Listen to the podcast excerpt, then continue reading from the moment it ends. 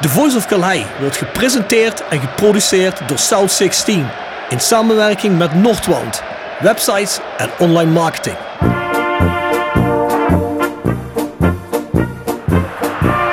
René van de Kerkhof, kom! Het hoofd van Danninga, het is het doelpunt! Het is het hoofd van het is het doelpunt! Het is 1-1 in de 36e minuut. drink dan eerst gezellig een kopje koffie, praat met wat mensen.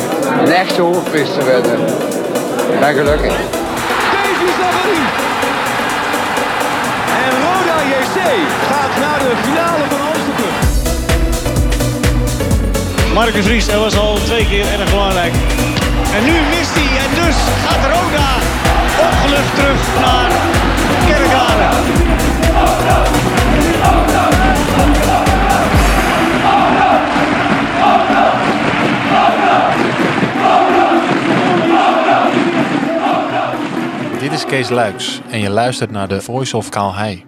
Bjorn, we zitten er weer in eh, episode 25 van The Voice of Calais. We zitten vandaag met een gast die in Roda geledingen niet geheel onbekend is, denk ik, hè? Nee, en ik ben ook blij dat we deze gast hebben weten te strikken. Uiteindelijk moet ik zeggen, want ik heb die Artje... Hoe vaak heb ik hem op Facebook niet berichten gestuurd, Art? Dat, ik denk toch wel tien keer. En Heb hem gestalkt? Ja, ik heb hem gestalkt. En, Art zei altijd, ja, die dag kan ik niet. En dat lukt me niet. En ik dacht, Nee, daarmee bedoelde hij gewoon, ik heb er geen zin in. Ja, hij dacht, wat is dat voor idioot die met mij wil afspreken? Totdat we gelukkig Kees in de podcast hadden. Toen hebben we tegen Kees gezegd van, hé, hey, toen zei Kees van, ja, ik heb vanavond, komt Art bij mij op bezoek. Ja. Toen zeiden wij, ja, Kees, regel even dat Art naar de podcast wil komen. En die avond kreeg ik een fotootje van Kees, van hem en Art. En dan zei hij, het is geregeld, Art wil komen. Dus we hebben het een beetje aan Kees te danken natuurlijk. Ja, ja, Kees vond het wel gezellig, hè? Een paar biertjes erbij en zo, hè? Ja, Kees is een gezellige gozer. Ja, een hele aardige gozer, ja, Ja, Kees. Ja, wij kenden hem natuurlijk toen alleen van de degradatieseizoen, hè? Dus we hadden zoiets van, dat moeten we niet hebben. Maar Kees bleek gewoon 200% mee te vallen.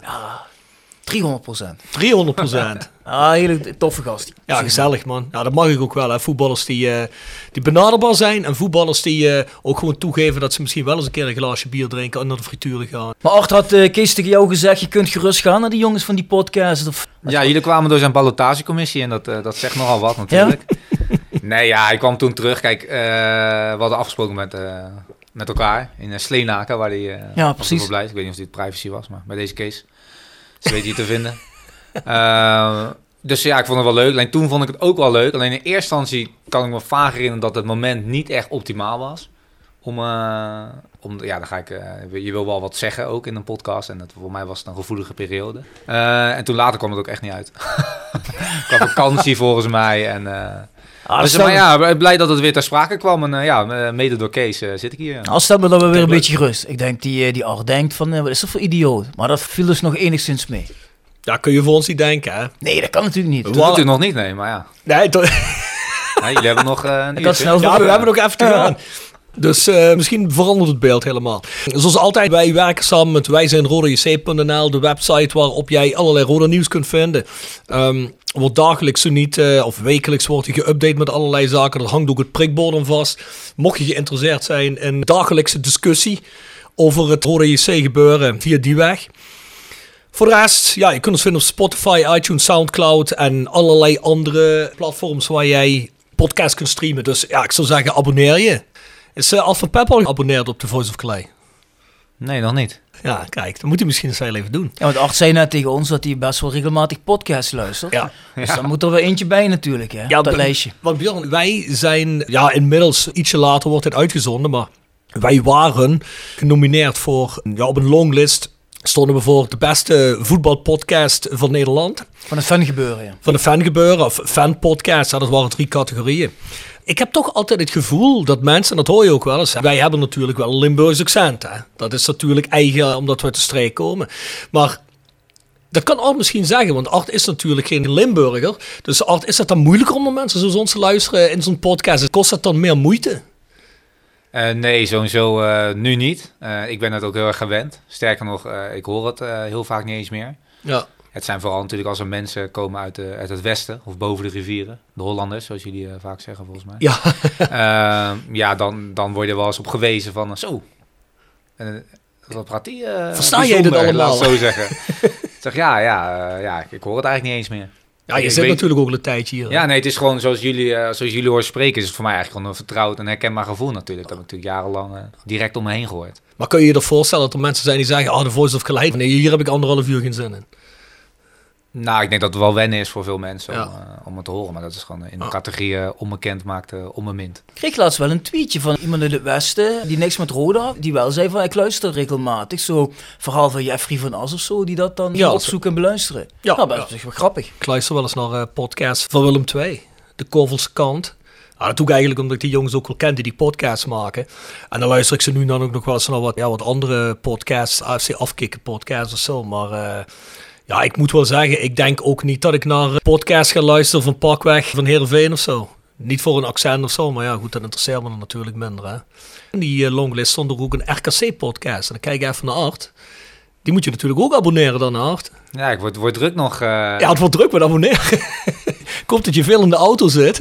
Nou ja, tijdens eh, ja, autoritjes kan ik wel eens een podcastje luisteren, ja. En tijdens het hardlopen ook wel. Dus dat doe ik ook allebei eh, vaak. Dat autorijden wat minder nu. Omdat Ja. je nergens naartoe kan slash hoeft. Ja. Eh, maar ja, podcast op zijn tijd is leuk. Maar voetbalpodcast eh staat, staan niet heel erg hoog op dat lijstje. Nee. Wat luister je voor podcast als je luistert dan?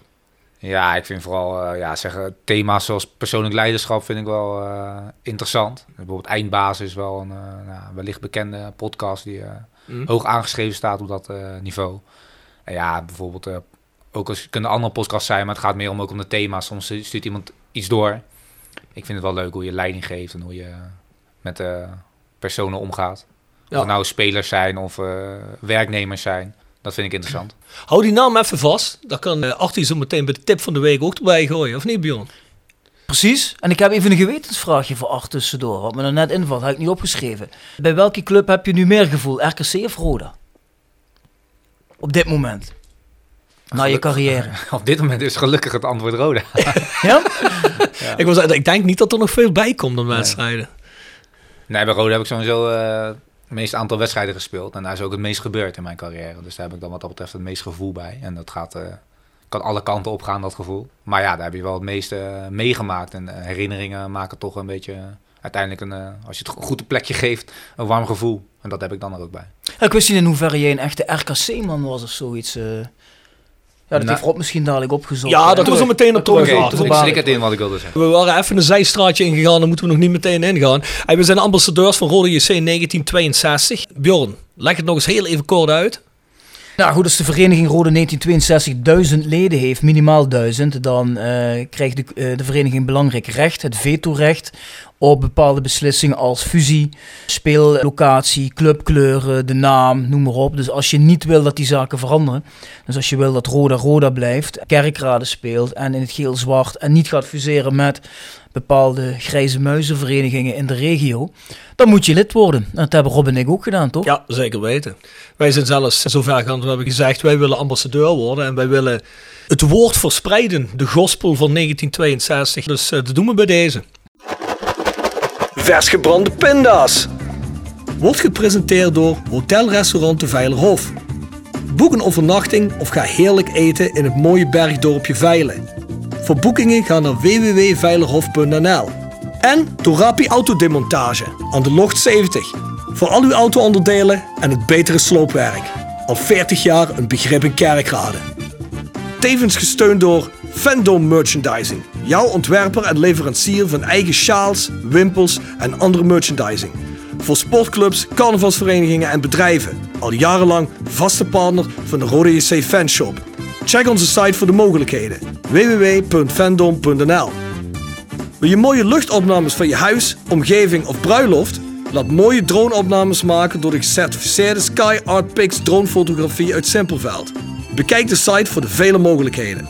www.dronefotografie-sap.nl dan komen we bij de prijsvraag. Ja, de oplossing van de prijsvraag van vorige week, die hebben we nog niet. Dat, dat zien jullie eh, digitaal verschijnen over de nodige kanalen. De mensen die winnen, die worden ervan geïnformeerd. Dan hebben we nog een, nieuwe prijsvraag, Bjorn. En ik was aan het denken, ik denk, wa- wa- wat, kan ik nou gaan verzinnen? Want eh, wat we in het begin van het seizoen hebben gedaan met voorspelling van wedstrijden, wie de eerste goal scoort. Nou, het werd op een gegeven moment irritant, want er werden geen goals gescoord. Dus toen hebben we gezegd van laten we dat maar gewoon achterwege. Dus ik heb er een voor de mensen die wat ouder zijn. Hoeveel kostte een zakje vers gebrande pinda's vroeger op Kalheide? De rubriek heet ook vers gebrande pinda's. Dus de vers gebrande pindaman, dat was een cultfiguur. Is die er eigenlijk nog? Want die zou ik wel graag een podcast mee willen doen. Boah, dat dat was volgens mij een wat jongere gast, Die toch? Met zo'n blonde witte gast. jas aan. Blonde gast. Blond rossig, hè? Met zo'n... Ja. eh, jij lijkt daar best wel een beetje op. ik, moet, ik moet even inbreken, want ja, sommige jongens vinden dit misschien grappig, zelfs dat de oud teamgenootjes nu luisteren. Want toevallig is er nu een prijsvraag, ik zeg to- toevallig tussen aanhalingstekens, over pinda's. Ja. Ja, dat vinden vrij veel mensen hilarisch, denk ik, op dit moment. Want wellicht, eh jullie zien dat nu letterlijk. Eh, nou, dan zit Arnold aan dingen te denken. Zijn wij nog heel nee, leuk. Een beetje, eh, een beetje kwinkslagje naar eh, mijn achtergrond en eh, bijnaam. Goed bedacht. Ga door, heren. ja, dat was die vent met die witte jas, hè? Ik zit te denken, waar heeft hij dan? Maar goed, ja. Zo'n witte jas had Ja, hij witte altijd jas had hij altijd. gebrande pinda's. Ja, ja, ja. En dat kostte een bepaald bedrag. was een mooi rond bedrag. Dat kon je als kind veroorloven. Nou, ik kocht er altijd wel een aantal per wedstrijd. Ja. Ik heb er een grote liefde aan vers gebrande pinda's aan overgehouden. Dat moet ik wel heel eerlijk zeggen. Als je die tweede helft kocht, waren ze niet meer zo vers gebrand. Ik heb er volgens mij ook wel eens een tand op gebroken. Maar eh, hè? hoeveel kosten die? Wat kun je winnen? Een rode sjaal van Fandom en twee tickets voor het Mijnmuseum. Als dat weer open gaat in Heerlen. Dus stuur je antwoorden in. Ik verwacht zeker van de oudere supporterschade toch een eh, reeks van antwoorden hier. Denk ik wel. Weet ik wel Jij weet nog wel wat het kost, hè, Bjorn? Ja, ik heb een vermoeden. Oké, goed. Mensen, 16 kledinglijn vind je in shop.south16.com. Er zit van alles in, van truien, hoodies, jassen, shirts. Allemaal fan-gerelateerd uit het supporters- en algemeen voetbalcultuur geheel. En dan vind je ook de Voice of Clay shirts. Waar we Art net een eentje van cadeau hebben gedaan, uiteraard. En dan ga je naar shop.south16.com en dan vind je dat allemaal. Vragen voor gasten, opmerkingen en allerlei andere zaken die je kwijt wil aan ons. Kun je sturen naar thevoiceofcalhei@south16.com. Kom, en volgens mij zijn er ook weer een hele reeks van vragen gekomen voor onze gasten vandaag. Zeker hè? weten, ja. Tip van de week. Gepresenteerd door Jegers Advocaten. Ruis de Berenbroeklaan 12 in Heerlen. Hart voor weinig, nooit chagrijnig. www.jegersadvocaten.nl En Nextdoor Kapsalon, Nagel en Beauty Salon op de locht 44A8 te Kerkrade. Bjorn, de tip van de week. Nou, ik heb net van Art van Peppe gehoord dat er een hele interessante podcast is. Eindbaas heet die, geloof ik, hè? Ja, Art, leg eens even uit eh, voor de luisteraars. Waarom moeten we die luisteren? Nou ja, eindbazen, dat zijn, die hebben ondertussen eh, 200 podcasts gemaakt. Volgens mij zijn ze vier, vijf jaar geleden begonnen met, eh ja, met thema persoonlijk leiderschap. En daarin interviewen ze vaak met z'n tweeën. eh, twee uur lang trouwens. Eh, een, eh, ja, een eindbaas, zoals zij dat zeggen. Dus eh, een mooi voorbeeld uit de voetballerij is Toon Gerbrands. Ja. Hm. Die is twee keer geweest ook. Nou, dat is een persoon die ik dan ja, het geluk mee heb gehad dat ik daar ook een keer mee heb afgesproken. Ja, die maakt wel indruk. En die maakt in zo'n podcast ook wel indruk. En dat zijn gewoon interessante verhalen. En zeker voor de voetballiefhebbers die luisteren, is, is dat een mooi voorbeeld om, eh, om die eh, een keer te beluisteren. Goeie tip. Ja, zeker interessant. Ga eens abonneren en eens kijken wat er allemaal voor interessants eh, te Ja. vinden is. Ja, ik heb ook nog een tip. Dat is een voetbaltip. Volgens mij kun je die documentaire die ik ga noemen op Amazon Prime vinden. Ja, Bjorn zegt altijd, ik weet niet hoe ik daaraan kom. En ik weet niet hoe ik dat... eh, heb je dan ondertussen... Ja, ik eh, weet wel hoe ik eraan kom, maar ik heb het gewoon niet. ah, je hebt het gewoon niet. Ja, volgens mij kost het helemaal niet zoveel. Volgens mij kost het 25 piek per jaar of zo. Ja, weet ik, maar er is zoveel te zien op Netflix. Als ik ook nog Amazon Prime moet gaan kijken, ja, dan einde zoek. Kijk, ik heb een drukke baan, Rob. Jij weet niet wat dat is, maar... Ja. Ja, dan lach je. Ja. Maar ja. Nee, ik heb net wat voor informatie gekregen. Ik Nou, ja, ja, lach met alle liefde mee. Luister, ik probeer mezelf gewoon op de juiste momenten maximaal in te zetten. Zodat ik dan ook wat vrije tijd overhoud om de batterij weer op te laden, Bjorn. Onder andere hoort erbij op de bank zitten en ook wel eens gewoon helemaal mijn hersenen afschakelen. Ja, weet ik, dat zeg jij. Maar ja, kijk hier bijvoorbeeld, als mijn vrouwtje om half elf zegt, schat, ik wil naar bed, ga je mee? Dan ga ik met haar mee. Maar ja, jouw vrouw gaat altijd om negen uur naar bed en jij blijft dan tot twee uur series kijken. Ja, dat is een Dat hele- heb je helemaal goed, tot op het feit dat mijn vrouw om tien uur naar bed gaat. Oh, tien uur. maar voor de rest klopt dit helemaal. Ja, ja, ja. Ik denk dat dat vandaag ook wel gaat gebeuren. Ik ken jou redelijk goed inmiddels. Ja, Luister, Bjorn, nieuw seizoen van Vikings ben ik aan het kijken. En ik heb nog twee afleveringen, die wil ik wel graag nog vanavond kijken. Tegen de tijd dat ik thuis kom is de vrouw moe, dus eh, dat weet Denk ik nu wel. Denk ik Ja. Hey, maar waar ik heen wilde is, er staat een documentaire op en die heet Don't Take Me Home. Dat gaat over eh, de Europese campagne op het Europees kampioenschap van Wales in 2016. Dat is heel leuk om te kijken natuurlijk, omdat Wales eigenlijk, ja goed, we kennen allemaal Wales, misschien van de Six Nations, van het rugby en dat soort zaken. We kennen Wales, eh, ja, Garrett Bale, Gary Speed, Giggs, Giggs, Ian Rush, dat soort lui, ja, dat kennen we wel. Maar die jongens die kwalificeerden zich nooit en never voor iets. Teams waren niet goed genoeg. En die hebben zich gekwalificeerd voor Euro 2016. En volgens mij hebben ze er zelfs halve finale gespeeld. Kan dat kloppen? Weet iemand dat? Weet ik niet, maar ik weet wel dat ze het vrij aardig gedaan hebben. Ja, Zijn wel ver gekomen. Ik weet Ja. wel dat er niet zo heel lang geleden nog een Wales International bij ons, eh, eh, bij jullie club, eh, bij Roda heeft gespeeld. jullie club, is toch ook jouw club, hoor? Ja, zei ook ons, maar... Oké. Dan moet je me even aan herinneren. Me even Ja, jawel, ik weet het. ja. Oh, Die zit die volgende keer, spits. volgende week. Die zit in Oh, de... die spits. Ja, precies. Ja, hij zit in de CBD nu, hè? Ja. Ja, precies. Ja, ja, ik heb hem nog op Instagram. Ja, dat is de prijsvraag voor volgende week. Ja, dat gaat lui natuurlijk meteen Ja. alweer raden. De CBD. Ja, CB weet je niet wat CBD Nee. is? CBD is olie die destilleren ze uit wietplanten. Dat is niet het... eh, Oh, dat bedoel je? Dat is niet de THC waar je high van wordt, maar dat is de CBD. Ja, het schijnt heel veel gezonde eigenschappen te hebben. Ik doe het ook wel eens voordat ik ga slapen. Een paar druppeltjes CBD-olie. En ik moet zeggen, ik slaap ervan als een tierenlier. En ik droom ook altijd heel wild ervan. De rest laat ik aan je eigen fantasie over. Dus dat CBD-olie, daar zit hij Nou, in. En dat schijnt heel ook goed duidelijk. Nee, dat was die spits hè, die op een gegeven moment geblesseerd raakte. Ja, Ja. Simon. Simon Church. Ja, Ja. dat is eigenlijk de Engelse versie van die kerk van eh, Utrecht. Ah, die was iets beter, denk ik. Ja, Churchkerk. Ah, dat maakt niet uit. Goed, nou, dat was de tip van de week. Nou ja, goed, eh, ik was hoef niemand te introduceren. Iedereen weet inmiddels wie er zit. Alfa Peppe. Art van Peppe, ook eh, toen wij vroegen van eh, wie willen jullie in de podcast, kwam de naam van Art ook vaak naar voren. En Ja. Ik vond Art ook zelf ook echt een eh, interessante gast. Ja. Die heeft toch een hele hoop bij onze club meegemaakt. Dat is één. En ik vind ook heel interessant waar Art eigenlijk op het moment mee bezig is en waar hij na zijn carrière zich mee bezig heeft gehouden. En toen hoorden we ook nog van andere gasten over Alfa Peppe. Nou, Art is eigenlijk een. eh, ze wilden niet zeggen dat andere voetballers eh, niet intelligent zijn, maar die zijn altijd. Art is eigenlijk een hele intelligente jongen. Dus we zijn benieuwd naar wat de podcast gaat opleveren. Art. De lat is hoog voor je gelegd door iedereen. Nou ja, alles is relatief, hè. Dus, Dus je wil hem je zeggen, jij bent misschien niet zo intelligent, maar de rest is nog minder intelligent of zo. Bedoel je dat? ja, nou ja, dit kan beide kanten op gaan, hè. Zeker. Wat, wat doe je nu? Eh, ik ben nu eh, sportadviseur bij een sportadviesbureau. En eh, we werken door heel het land. En wat wij doen is eh, voornamelijk langs eh, voetbalverenigingen, zowel BVO's, dus betaald voetbalorganisaties, als amateurverenigingen. Ja, analyseren we hoe de jeugdopleiding is ingericht, wat ze doen. En van daaruit gaan we eh, ontwikkel adviestraject in en geven we advies en, over op beleidsniveau. Dus we praten dan met hoofdopleidingen, met technische jeugdcoördinatoren. Eh, en bij BVO's is het natuurlijk ook met technisch managers en eh, technisch directeuren. Dus eh, is beleidsniveau, eh, heeft met voetbal te maken, met talentontwikkeling. Ja, dat zijn dingen waarvan ik altijd wel dacht, dat vind ik heel interessant. En deze baan kwam voorbij. Nou, ik Dus- moet heel eerlijk zeggen, ik was er wel een beetje teleurgesteld over toen ik dat hoorde. Want ik dacht, ik heb dat ook wel eens Oh, gehoord. wat de fuck zegt hij nou? Teleurgesteld dat ik een nieuwe kans krijg. Nee, ik weet wat Bjorn heen wil, sorry. Nou, nee, goed. Ik wou zeggen, ik heb wel eens met Hessel Meijer gesproken. En die zei ook van, ja, Arne is een intelligente jongen. Die heb ik wel eens onder de aandacht van Roda gebracht. Om daar, net zoals een Flederis dat doet, of een Gudde, om met de directie mee te lopen. Ja. En op enig moment te groeien in een functie van algemeen directeur, of commercieel directeur, of technisch directeur. Want Artie had er wel de kwaliteiten van. Maar waarom is het daar niet van gekomen? Nou ja, eh, nou, het einde van mijn carrière bij Roda was eh, ja, niet zo eh, zoals ik had gewenst. Maar ja, in principe dacht ik wel van ik blijf gewoon bij Roda zo lang mogelijk. En van daaruit eh, is het wel mooi om een functie te krijgen. Heb ik wel pogingen eh, gewaagd. Eh, maar ja, dat is ook in de periode geweest dat De La Vega langskwam. Wat sowieso een onrustige periode was daarvoor. Maar ook natuurlijk tijdens en ook Mhm. weer daarna. Eh, waardoor er niet zo heel veel beslissingen werden genomen op, op dat soort trajecten.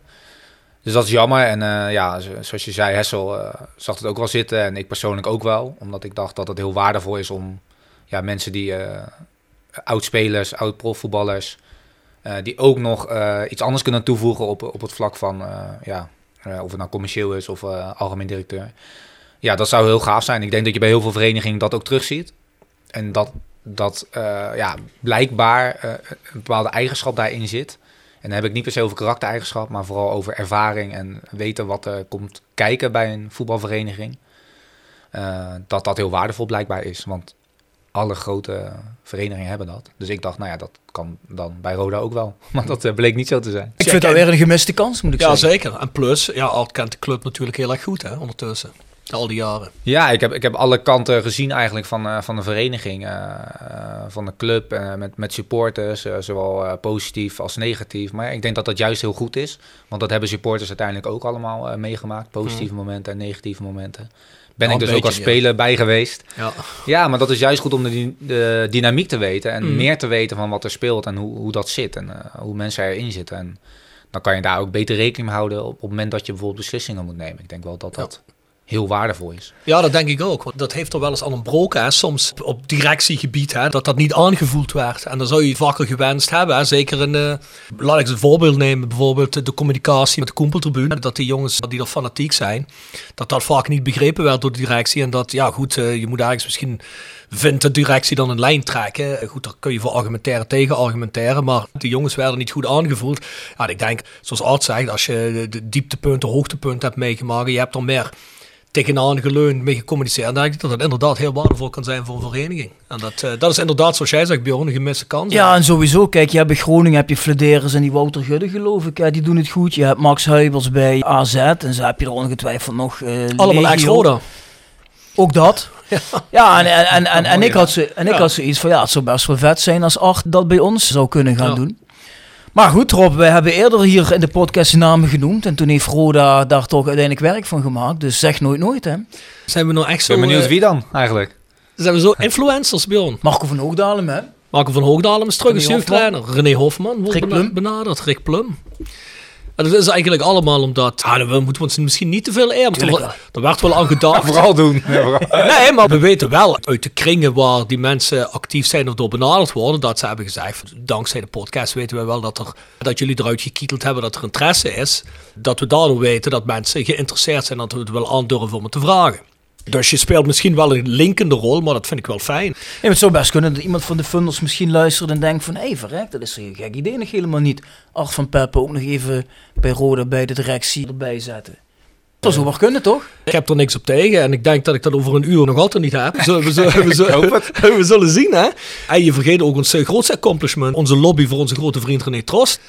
Ook dat nog. Ja, die heeft zelf gesolliciteerd natuurlijk. Niet te veel eer aan ons. Maar goed, ik hoop het. Dat misschien iemand denkt van laten we nog een keer met Art gaan praten. Wie weet. Misschien zit hij op een moment wel lekker waar hij zit. Maar hè, je weet nooit wat kan voor de toekomst. Je weet nooit hoe het gaat, nee. eh, dat is duidelijk, zeker in de voetballerij. Bij wat voor BVO's kom je dan in het land? Of is dat iets wat, wat niet bekend mag worden of zo? Oh, jawel, dat zijn in principe alle BVO's. Oh ja, Eh, alle? Ook bij eh, Roda? Eh, ook bij Roda, ja, daar ben ik zelf niet geweest. Maar eh, tot, tot voor kort was het eh, programma ook deel van, trainers, of van de licentie van de jeugdopleiding. Mhm. Dus elke jeugdopleiding van de BVO moet voldoen aan bepaalde eisen. En dat was tot voor kort, voor kort samen met ons, ons bedrijf. Ja, oké. En nog steeds gaan we langs elke vereniging. Alleen nu zijn het vooral ontwikkelgerichte programma's. Mhm. En daar zal wellicht Roda in de toekomst ook voorbij komen. Want zeker in deze regio, met ja, alles wat er speelt en ook wat überhaupt eh, de bedoeling is misschien met de jeugd om dat op te pakken. Ja, is het natuurlijk wel interessant om te kijken van hoe kan je dat nou aanpakken. Hey Rob, neem Ardus mee door zijn carrière. Art, eh, ik heb natuurlijk, eh, dat doe ik elke keer, een beetje voorbereid, een beetje zitten googelen natuurlijk. Een paar dingen waren me bekend, een paar dingen niet. Bijvoorbeeld, je bent begonnen in de jeugd van DAC. Klopt dat? DAC Nee. Delft toch, of niet? Vitesse Delft. Vitesse Delft. Vitesse, maar je, heb je niet bij DAC ook gespeeld? Ja, maar dat was later, dat was na Oh, Sparta. dat was later. Nou, oh ja, Vitesse Delft heb ik hier ook staan, verdomme. Ja, ik zag het. Sparta Rotterdam, jeugd DAC, Feyenoord. Ja, het lijkt wel of iedereen uit die regio even bij Feyenoord terechtkomt. Jongens die eh, uit de Randstad van die kant komen, niet Amsterdam de kant, maar Rotterdam Haag, die komen op een gegeven moment allemaal even bij Feyenoord terecht, lijkt het wel hè. Je maakt je profdebuut in 2005 bij Excelsior. Ja. Zitten we er goed? Ja. Nou, en daarna speel je bij de Graafschap van 2006 tot 2008. Ik heb hier ook nog eens een keer staan, nog een keer de Graafschap van eh, 2008 tot 2010, klopt dat? Of heeft er Excelsior nog tussen gezeten weer? Excelsior zit daar dan. eh, Dat zit er nog tussen, geloof ik, hè? Excelsior is na de Graafschap. Want ik ben weer teruggegaan naar eh, Excelsior. Precies, dat had Excelsior moeten zijn, niet de graafschap. En eh, dan ga je uiteindelijk naar RKC. In 2010 dan voetbal je tot 2013. En ja, dan eindig je natuurlijk bij de mooiste club uit het zuiden voor vijf jaar. Dan speel je 137 wedstrijden en je maakt twee goals. Twee goals. Dat is niet veel, zeg. Nee, ja, da- Voor ons natuurlijk, hè. Twee goals voor Roda. ja, voor Roda, zeker voor Roda. Maar daarom kijk ik even naar acht met een scheef oog. Dus ik weet niet of ik... Want als je er twee maakt, die onthoud je waarschijnlijk wel. Maar als het er meer zijn, denk je misschien van, eh, waar hebben ze het over? Ja, ik weet eentje, want die kwam pas nog terug omdat de derby was tegen MVV. Ja, klopt. MVV thuis. Ehm, Met rechts. Ingedraaid in de lange hoek. ja. ja, dan ben je een trainingsgoaltje en dan dat je denkt je gaat in de wedstrijd erin. Maar dat was een meevalletje. was leuk. Eh, zo, ik zou die andere niet eens herinneren. Nou ja, acht weet je, dat was... Heb jij dat niet opgezocht toevallig? Nee, nee, dat was... Jammer. Maar dat maakt niet uit, dat was de belangrijkste tegen MVV. Dus, eh, Oh, dat was het allerbelangrijkste. ja, ja. precies. Hoe ben je eigenlijk bij Roda terechtgekomen, Arthur? Als ik me goed kan herinneren, dan was je eigenlijk wel al vrij rond met Roda, maar het was nog even wachten of Roda zich veilig zou spelen. Ja, in dat laatste half jaar dat ik bij RKC speelde, was er wel interesse van meerdere verenigingen, meerdere clubs. En eh, ja, daarvan was Roda er ook één van. Nou, daar zat eh, Ruud Brood als trainer. Nou, die had ik daarvoor bij RKC meegemaakt. Tot een jaar daarvoor natuurlijk zat hij eh, bij RKC. Nou, hele mooie tijd eh mee beleefd. Dus die, ja, die, daar had ik wel oren naar om daar in ieder geval naar te luisteren. Dus dat waren prima gesprekken. En uiteindelijk moest ik afwegen wat, waar ik uiteindelijk naartoe zou gaan. En ja, het moment dat Roda uiteindelijk eh, erin bleef, zat ik nog te luisteren in, eh, in de auto met een vriend. Want we gingen, we kwamen van een andere voetbalwedstrijd en toen eh, eh, scoorde Fleddy eh, Ja. de fameuze gelijkmaker. Of eh, ja, Ja, Ja, ja, gelijkmaker en de- was het. ja. Ja. En de ik weet- winnende. en de winnen ook uiteindelijk daarom. Ik weet niet eens meer, maar ik weet dat hij er twee maakte en dat Ja, die laatste vrij beslissend was. Maar het eindresultaat was, eh Roda blijft erin. En toen eh, had ik wel het idee van, ja, dit wordt wel, eh, kan mooi worden hier. Dus eh, daar ga ik voor. Zeker. Toen ik was aan kijken, toen zag ik eigenlijk van die acht, die, eh, dat is eigenlijk de perfecte speler voor. Als je wilt promoveren, moet je Pep in je team hebben. Want acht maakt vijf promoties mee, volgens mij. Ja, nou ja, het klopt ook. Bij Roda klopt het ook. Alleen helaas moest je daarvoor wel eerst eh, degraderen. Ja, dat, dat, dat waren, we, hadden we even, waren we even vergeten Ja, dat dat, dat erbij klopt. hoorde dan. dat klopt. Maar je, je promoveert twee keer met Excelsior, geloof ik, hè? Een keer met RKC, met de Graafschap en met Roda dan uiteindelijk. Dus dat zijn vijf promoties die je meemaakt. Ja, dat vind ik eigenlijk wel vrij bijzonder. Met vier teams eh, vijf keer promoveren. Ik kan niet, niet zo snel een speler noemen die dat gedaan heeft, Bjorn. Of jij wel? Nee, ik zou het zo gewoon niet weten. Het is best een unieke prestatie. Maar wist je dat? Dat uh, Art zo vaak gepromoveerd is? Nee, dat wist ik niet. Ja, dus eh, eigenlijk in die tijd moest je altijd je team hebben. Dan wist je tenminste dat je ging promoveren. Ik las ook ergens dat je zei dat je na je carrière hebt gezegd... Nou, ik heb eigenlijk genoten van elke dag dat ik profvoetbal heb gespeeld. ja, Ik neem aan dat dat klopt, want dat is zo'n interview wat ik gelezen heb.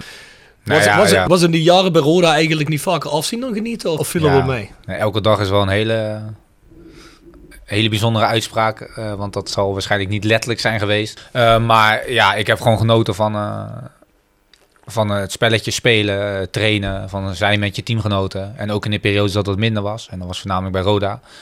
Ja, dan, dan moet je ook ergens je plezier uithalen. Want anders kom je ook niet verder. En dat was dan juist met je teamgenoten en met, eh, waar, je, waar je eh, wel invloed op hebt, waar je wel mee bezig kan zijn. En eh, ja, daar moet je zoveel mogelijk afsluiten van andere dingen. En dan heb je gewoon plezier, want dan is voetbal gewoon een heel leuk spelletje. Heb je nooit de behoefte gehad, Art, om naar het buitenland te gaan? Want je hebt die hele rits Nederlandse clubs. Ik kan me voorstellen als je transfervrij bent, dat je denkt van ja, nu wil ik eens een keer over de grens gaan kijken. Ja, daarvoor ging ik bij Roda voetballen natuurlijk. Oh, Die Nee. acht, hè? Het Ja. idee, eh laten, we, het gezellig houden. Nee, maar het idee was eh, in principe wel van, ja, na Roda zou het wel het moment zijn om naar het buitenland te gaan. Daarvoor wilde ik natuurlijk ook altijd. Eh, alleen ja, dat komt er niet zomaar van. Eh, dan heb je ook in Nederland keuzes en dan is het allemaal wat makkelijker om voor Nederland te gaan. En toen wilde ik wel graag, alleen er kwamen niet hele interessante eh, opties voorbij. Ja, dan, dan koos ik toch voor gewoon eh, het gele plaatje. En dat is ook het leven met mijn, met mijn gezin. En dat eh, eh, is toen toe een prima keuze geweest. je hebt nog een keer tussentijds verlengd bij Roda, geloof ik. Ja, ik had eerst een driejarig contract. En toen we promoveerden, toen, toen rond de voorbereiding, in de voorbereiding, verlengde ik nog met twee jaar. over transfers eh, of mogelijke transfers gepraat. Ik kan me nog herinneren dat er het gerucht ging dat er interesse van Leeds was voor jou. Een seizoen of drie, vier geleden, geloof ik. Ja, dat gerucht heb ik ook gehoord. Dat heb ik nog wel even gecontroleerd bij mijn zaakwaarnemer, maar die wist er niks van. Nee, die wist er niks van. Dus als hij er niks van weet, dan, eh, Zal ook wel dan is het ook niet zo. Nee, en het kwam maakt niet uit of het nou wel eh, waar was, maar het was dus echt niet meer dan een gerucht. Ah, oké, want ik kwam ook via via op een oud fanforum terecht van Leeds. En daar waren ze af van Pep al helemaal aan het analyseren en aan elkaar aan het plukken. Ze kenden hem niet zo heel goed, maar de eindconclusie was, hij heeft een fanpagina. Dus het kan niet slecht zijn. nou, als de directie er ook zo over dacht, was het prima geweest. Nee, maar dat is Ja, maar niet, kan je je eh, voorstellen, want eh, niet dat, had je nog net in dat Leeds gespeeld, wat leuk begon te spelen onder die, eh, hoe heet die gast die er nu zit? eh, die Bi- eh, Bielsa. Bielsa. ja. Dat lijkt me wel ruig om onder zo'n gast eh, gespeeld te hebben. Ja. Krijg je daar iets van mee, wat die dat doet? Nou, ik hoor wel positieve verhalen, maar ik eh, weet eh, geen details, nee. Maar Nee. ja, toen speelden ze voor mij Championship. Ja, precies. Ja, dat, ja, als je dan aan- over dat gerucht nadenkt en eh, beseft wat ik eh, toen eh, deed, dan was het ook wel een redelijk onrealistisch eh, gerucht. Nou ja, wie Maar weet. ja, het kan soms helpen. Hè. Geru- zo- Ze zijn zaakwaarnemers. Ja, luister, Art. Brengen dat gewoon in de wereld. Royston Drenthe ging naar Real Madrid. Ik bedoel, niks zeggen Ja. Royston Drenthe, maar dat was ook niet echt een verhouding of zo. Hè? Dus waarom zou jij niet naar Leeds kunnen? Nee, ja, zij let natuurlijk op eh, hoe jong zo'n speler is. En Royston had volgens mij echt eh, heel jong en best wel veel wedstrijden gespeeld. Ja. En dan gaat het meer van, waar gaat die lijn naartoe? En Ja. zo halen ze een paar spelers op. En bijvoorbeeld Manchester City staat dan natuurlijk bekend om, om dat niet anders te doen. Die hebben waarschijnlijk eh, met die Citygroep eh uiteindelijk wel eh, 300 spelers onder contract. Ja, precies. Ja, dat is meer het plaatje van we pikken er een hele hoop op, die gooien we tegen de muren, we kijken wat blijft plakken. Dus, ja, een beetje eh, schieten met hagel en dan eh, Ja, precies. zal het wel raak zijn een keer. Volg jij het voetbal eh, nog op de voet achter en dan meer specifiek eh, Roda? Eh, Roda volg ik wel, omdat, eh, ja, voornamelijk eerlijk gezegd omdat eh Kees daar speelt. Hm? En daar ben ik al eh, ja, heel lang bevriend mee. Eh, daardoor vind ik het eh, wel interessant. En eh, kijk ik wat eerder een wedstrijd, laat het zo zeggen. Ik volg het sowieso wel, want ik weet heus wel wat ze hebben gedaan elke week. Maar een wedstrijd kijken of uh, ja, samenvatten kijken doe ik niet zo snel. Maar ik ben wel benieuwd uh, hoeveel ze, waar ze staan in de competitie en wat een beetje de, de verwachtingen zijn. Heeft Kees nog tegen jou gezegd, eh, voordat hij tekende, van hey Art, eh, Roda wil me weer hebben. Wat denk jij ervan? Nou, dat laatste niet. uh, dat hoeft ook niet, want dat is in principe ook niet echt interessant voor onze vriendschap, om maar zo te zeggen. Hij moet vooral zelf bepalen wat hij, waar hij zich goed bij voelt. Ik wist wel wat net iets eerder dat hij, dat, dat hij naar Roda ging. Niet in de laatste plaats omdat hij bij mij sliep die avond daarvoor. Voordat hij de medische keuring, had. Dus hij moest in de buurt zijn, hij moest ergens slapen. Dus hij kwam bij mij. Uh, ja, dat was uh, voor mij natuurlijk ook leuk nieuws. En voor hem eerlijk gezegd wel leuk. Want hij heeft natuurlijk ook een slechte periode gehad hier. En dan bedoel ik persoonlijk voor hemzelf enigszins. Mm. Maar ook natuurlijk qua resultaat. Dus hij heeft ook niet Roda meegemaakt zoals het ook kan zijn. Mm. Nou, dat maakt hij nu natuurlijk in principe ook niet mee. Uh, voornamelijk ook omdat er geen supporters zijn. Ja, precies. En dus dat is ook jammer voor hem. Maar uh, ja, voor hem wel leuk om op die manier gewoon een positieve indruk achter te laten bij, bij de supporters. En zoals jullie in het begin ook al zeiden, van ja, dan, dan valt het eigenlijk wel mee wat jullie eerst van hem vonden, wat logisch is. Ja, van tevoren ja. was het vooral gebaseerd op. Hij viel op een gegeven moment buiten de selectie, ja, of in ieder geval buiten het basiselftal. Maar ja, dat hele elftal was op een gegeven moment. Ja, dan verbind je op dit moment niks positiefs meer mee, omdat het de eerste keer is dat Rode degradeerde in 41 jaar natuurlijk. Hè. Je hebt niet een heel erg warm gevoel bij dat seizoen. Nee, begrijpelijk. Ja, dus uh, je hebt ook een heel erg warm gevoel met alles wat er omheen hangt. Maar zoals gezegd, net zoals met alles, je moet. Uh, ook een beetje verder kijken als je neus lang is. Toffe gozer dus. Maar ze zijn wel een beetje op het thema, Art. Je zit vijf jaar bij Roda. Ja, dat zijn eigenlijk grotendeels tropenjaren. Zeker zoals wij, Bjorn en ik, met Roda opgegroeid zijn. Jij komt eigenlijk op een moment binnen. Vanaf wanneer speel jij bij Roda? Vanaf 13, 13 toch? Hè? 13, ja. Hetzelfde jaar als, uh, als Henk? Komt die ja. hetzelfde jaar binnen? Hetzelfde jaar als Henk. En ja, dus... uh, Henk, wie kwam toen nog meer? Huscher. Guy Ramos. Guy Ramos. Kees. Kees. Kali. Kali. Kali dat was best, hè, daar hadden we het net ook met Henk over. Dat was best een elftal waarvan je dacht van alle jongens die binnenkwamen, nou, heb toch goed ingekocht. Dat is een elftal, dat moet op zeker linker rijtje gaan spelen eigenlijk. Hè. Er zit veel potentie in. Ja, nou ja, mooi, uh, mooi dat je over het linker rijtje begon. Zoals bij heel veel clubs heb je in het begin van het jaar een beslissing te nemen over uh, hoe je bonussysteem uh, als team uh, eruit ziet. Dus ja, wij in het begin van het jaar keken we ook om ons heen natuurlijk. Dachten we ook van, nou ja, prima spelers eigenlijk. Weet je. Als je, wij denken ook van, nou ja, ja, Guy Ramos had ik dan zelf mee gespeeld. Uh, Henk Dijkhuizen was een talentvolle speler. Had het als spoor, had als spoor een beetje verdiend als talent. Dus ja, prima aanwinst ook. Nou, dat wordt wel wat. Ja, toen hebben we ook gedacht van ja, nou, we gaan stemmen voor de bonus is of we stemmen gewoon per plek. Dus dan krijg je per plek uiteindelijk een bedrag. Of we gaan eh, uiteindelijk voor een groter bedrag. Maar dan betekent het wel alles of niets. Alleen als we de play-offs Europees voetbal halen. Krijgen we geld. Nou ja, uiteindelijk zaten wij er ook ruim naast, om maar zo te zeggen. Maar dat was dus echt een gevoel van tevoren ook. Nou, hadden jullie dus wellicht ook een beetje van ja, Zeker. er zit wel weer, eh, nou, laten we zeggen, play-offs in voor Europees voetbal. En dat zat er ook daadwerkelijk in. Alleen het is er totaal niet uitgekomen. Nou ja, maar het gekke was, daar hadden we het net ook met Henk over. Het seizoen begon eigenlijk heel erg goed. Ik kan me nog die 0-4 bij ADO herinneren. Ja, dat was echt Eh, heerlijk. Was nog dat, ja. Toen dacht je van ja, dit zit wel een snor. Wat is er daarna misgegaan in jouw beleving? Ja, ik kan me in ieder geval nog in die goede periode herinneren dat we bijvoorbeeld eh, bij Utrecht uitspeelden. En dat we echt wel goed speelden. Nou, uiteindelijk speelden we 1-1. En toen, ja, eh, ik miste op het laatst nog, eh, nou ja, of all people, moest ik een kans missen op het einde, waardoor we gelijk speelden en niet wonnen. Dus daar baalde ik nog van. Dus ik, ik liep ook van het veld af uiteindelijk met de keeper Robin Ruiten. Ja, zat je een beetje als gelijke, liep je van dat veld af. We speelden ook gelijk, maar het voelde ook zo van, ja, wij zitten gewoon een beetje in dezelfde categorie clubs nu. En, maar uiteindelijk, ja, het ging, nou, in het begin ging heel goed. We voetbalden heel goed. Het ging net iets minder. En toen, eh, ja, zeker natuurlijk eh, met fanatieke supporters zoals jullie, eh, werd het sentiment iets anders. En uiteindelijk resulteerde dat, nou ja, wat uiteindelijk de, volgens mij zegt de doodsteek was, was NEC uit. 0-2 Eh, voor. Ja, en toen stonden we binnen één minuut stonden we, werd het 2-1. Volgens mij, na, de- na de rust. En toen verloren we die wedstrijd uiteindelijk nog. En toen, ik weet niet of Ruud Brood daarna direct ontslagen is. Maar in ieder geval, toen hing dat al een beetje in de lucht. En heel dat sentiment was toen heel negatief. En al met al, denk ik eerlijk gezegd... Ja, denk ik, mijn mening is dat Ruud Brood niet ontslagen had moeten worden. Nee, dat zal op dit moment denk ik iedereen beamen. Maar op dat moment had ik zelf ook wel zoiets van, ja, weet je, er waren wel een paar flinke decepties. Ik kan me dat seizoen nog herinneren dat je thuis van NAC verloor met 1-5. Thuis voor Go Ahead Eagles 1-4. Ja. Dan die nederlaag bij NEC. Ja, dan had je wel zoiets van, ja, het, het komt niet. Ja, je zit op iets te wachten wat al de hele tijd niet meer komt, zeg maar. Maar ja, achteraf denk ik ook van, eh, had Ruud eh Brood het maar lekker af laten maken. Ja, we hebben het daar met een aantal spelers al over gehad die dat seizoen hebben meegemaakt. En eigenlijk iedereen zegt unaniem, Ruud Brood had voor ons niet weggehoeven. Het is toch eigenlijk gek dat je dan als je als spelersgroep aangeeft, of als er geen geluiden komen uit de spelersgroep, dat er iets mis is in de connectie of de vibe tussen de trainer en dat het niet meer zou werken. Als het dus gewoon wel nog werkt, ja, waarom zou je dan zo'n man ontslaan? Ja, nou ja, de beleidsmakers moeten natuurlijk wel naar het grote plaatje kijken. Dus ik begrijp dat zij uiteindelijk die beslissing nemen. Alleen, ja, eh, ik kan me wel herinneren van die fase dat, eh, dat we wel... eh, dat we dachten van ja, we hoorden dat Ruud Brood zou ons, of die werd ontslagen. Dus er ging dus natuurlijk een traject in van ja, we gaan een nieuwe trainer vinden. Ja, toen gaven we wel aan van nou ja, wij, wij zien wel om ons heen dat er best wel veel egootjes in deze kleedkamer zitten. En dat bedoel ik gewoon nu even positief. Er zijn gewoon veel verschillende mensen die echt een sterk karakter hebben. En die gewoon die kant op willen. En die ander wil net een beetje meer naar links. En die ander wil helemaal de andere kant op. Dat is wel lastig in een, in een team. Je moet wel iemand hebben die met die ego's om kan gaan. En ook gewoon, wat dat betreft, een ego is. En En Thomas dan kon dat? Eh, die kon dat niet op ons niveau. En dat bedoel ik dan ook weer positief voor hem.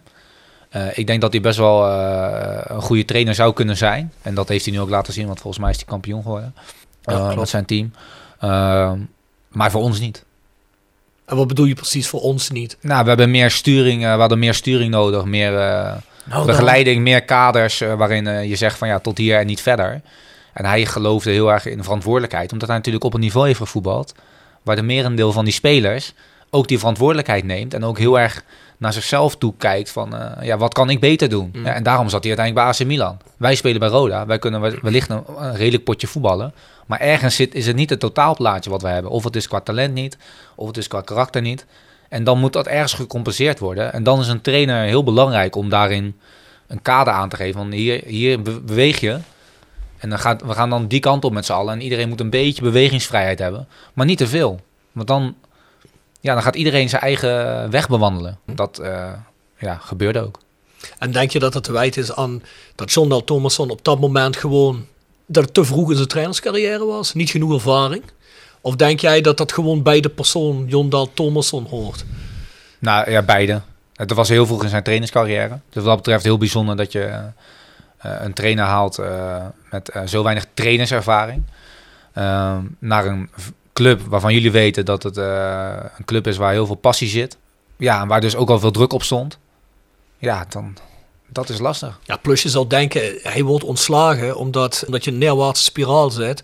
Ja, je was toen nog niet degradatievoetbal aan het spelen, maar het ging wel in die richting. Dan zou je eigenlijk denken van ja, dan pak je iemand die de nodige ervaring in zijn bagage heeft om ja, het tijd te kunnen keren. Dan zet je niet iemand die in het begin van zijn trainingscarrière staat eh, neer. Tenminste, zo dacht ik er toen al. Die hebben toen gedacht van ja, die kwaliteit zit in die groep. Ja. Thomasson, talent wel de trainer. Dat eh, draait hij wel om, maar volgens mij hadden ze toen, toen hij gepresenteerd werd, nog altijd over linkerrijtje, dit, dat. Volgens mij was er toen vanuit de club nog altijd niet het idee van, we gaan deze hele tweede seizoenshelft degradatievoetbal spelen. Volgens mij is dat pas iets later gekomen van, ja, ik kan me nog die wedstrijd herinneren thuis tegen ADO, volgens mij verloor je die ook 0-1. En toen had ik pas zoiets van, zo, dit gaat helemaal de verkeerde kant op. Ja, we stonden volgens mij 13 of zo toen Ruud Brood werd ontslagen. Die werd natuurlijk net voor de winterstop ontslagen. Hadden we volgens mij nog twee wedstrijden of drie. Voor mij drie denk ik. Voor mij was het echt, eh, was het, door de week was een bekerwedstrijd. De laatste wedstrijd was Ajax. Nou, die was ook heel zuur. Maakte, hoe heet die, eh Rieder wat zijn debuut. En die scoort twee keer. Scoort twee keer. Ah, ja. Dus dat was heel, eh, dat was heel zuur. En dat is ook ongelooflijk. Dat is ook eh, wat dat betreft bijna symbolisch voor eh, hoe we erin zaten. Het is toch een 2-0 voor tegen Ajax. Dan verlies je gewoon. Of uh, je gelijk. Ja, dat is ook bijzonder. Maar ja, nou, ze hebben natuurlijk met de goede intentie, ga ik even vanuit, gepoogd om het tijd te keren. Maar ja, dat is niet gelukt. Hoe geschokt was die spelersgroep eigenlijk? Of geschokt? Hoe kwam dat eigenlijk aan? Zo'n spelersgroep zich dan realiseerde: oh shit, we moeten nu echt voor het overleven in de Eredivisie van voetballen. Dat hadden we niet gedacht. Dan moet er, dan moet er toch een knop omgaan ergens. En ja, ging dat schijnbaar niet? Ehm, nou ja, dat moeten sowieso iedere speler voor zichzelf bepalen. Maar eh, ehm, ja, voor mijn gevoel, eh, bij mij ging eh, in die zin wel de knop om. En bij meerdere spelers. Als ik het zo kan inschatten. Maar ehm, ik denk niet als team. En dat had ook wel voor mijn gevoel te maken met hoe, hoe de trainer, hoe Thomas dan het benaderde. En waarvoor ik ook denk dat dat niet geschikt was voor ons. Dus, eh, niet, dus hij is wellicht een prima, misschien wel zelfs een goede trainer. Alleen hij was geen match met ons, eh, ons team. En al helemaal niet in die situatie. Nee. Foute moment, foute tijd. Ja, zeker. Ja, want jij hebt nog wel wat finales gespeeld op het einde van dat seizoen, hè? Volgens Jondan Thomasson. Zo, ja. Nou, ik heb daar echt serieus, al voordat jij dit zegt, heb ik er al echt drie keer aan moeten denken. Dat jij dit nu zegt. Dat is wel echt mooi. Dus jij hebt het ook meegekregen. Maar het woord finale is wel echt... eh, nou, ik, heb het niet, eh, ik word er niet eh, gelijk misselijk van. Ik wil het horen, maar dat werd wel heel vaak gezegd. En Ja, want daar word jij gek van. Ja, nou ja, als je elf finales speelt, ja, zo, nou, dat, nou, misschien kunnen mensen dat opwekken bij zichzelf, maar elke week een finale spelen, ja, zo voelt dat niet. Dus dan verliest dat zijn waarde. Dat woord is er niet meer, om maar zo te zeggen. Dus dan denk ik van ja, nog elf finales, nog tien finales, nog negen finales, ja.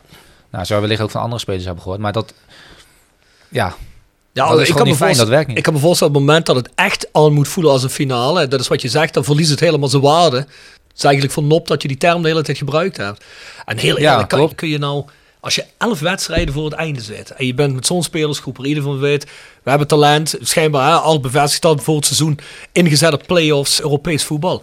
Dan ben je toch niet elf wedstrijden voor het einde in die mindset. Nou ja, goed, we zitten tegen degradatie in voetballen. Daar heb je toch nog altijd zoiets van, ja, twee keer winnen en we staan nog helemaal bovenaan het rechterrijtje en geen vuiltje aan de lucht. Denk ja, ik. Nou ja, kijk, eh, los van, kijk, dat wordt finale, ik bedoel, dat, dat maakt in principe ook niet zo heel veel uit. Alleen ja, dat werkt in ieder geval niet. Maar ja, wij zaten er natuurlijk gewoon niet lekker in. En eh, wij speelden niet, eh, niet goed. Het gevoel was, was niet meer goed. Onderling ook niet meer. Ja, dan is het gewoon lastig. En dan, moet je, ja, dan probeert de trainer natuurlijk ook alles eraan te doen om wel eh, die neus dezelfde richting op te krijgen. Ja, dat is helaas niet gelukt. En daardoor ga je met een team wat eh, ja, wel in, eh, in ieder geval een potentie de kwaliteit had om linkerrijtje te spelen. Ja. Ga je gewoon roemloos ten onder. Ja, want dan vliegen we eruit. Jij bent toen gebleven. Maar ik kan me voorstellen dat jij toen misschien in die zomer ook wel gedacht hebt van ja, ik zou wel liever willen vertrekken. Heb je daar toen over nagedacht of geprobeerd weg te kunnen? Of had je zoiets van ja, ik heb een contract dus ik blijf gewoon. Ja, nou in eerste instantie was het gewoon vooral teleurstellend dat dat gebeurd was. Eh, dat was gewoon in de eerste, zeg, eerste paar dagen of eerste eh, weken. Ja, uiteindelijk ga je natuurlijk denken van ja, wat zijn nu de opties? Eh, wat kan ik nu doen? Ja, dat is heel simpel. Of je blijft, of je gaat weg. En als je blijft, heeft dat bepaalde consequenties. En als je weggaat, heeft dat ook consequenties. Ik heb ook gesproken met andere clubs. Ik heb gesproken met de huidige trainer van Rode JC. Oh ja? Was dat, Ja. Oh, was dat toen, toen jij misschien naar Willem II zou gaan? ja. Is dat, Willem toen, ja, is dat toen geweest? Ja, ja, oké. ja. Ja. dus dat, daar heb ik ook letterlijk mee gesproken. Eh, wel mooi, ik heb hem sowieso gesproken in het Willem II-stadion... met toenmalig assistent Adrie Bogers, die ik ook bij RKC had gehad. En dus nu weer assistent is van, nou, mooi, mooi cirkel trouwens, Ruud Brood. Dus het is allemaal gelinkt aan elkaar. Allemaal gelinkt aan elkaar, ja. Ja, eh, en eh, ik ging ook nog die zomer op vakantie. Die was al geboekt. Dus ik was blij dat ik ver weg was in Maleisië. Maar ja, ook ver weg kom je Nederlanders tegen. En ik zat uiteindelijk op het eh Maleisische eiland Langkawi.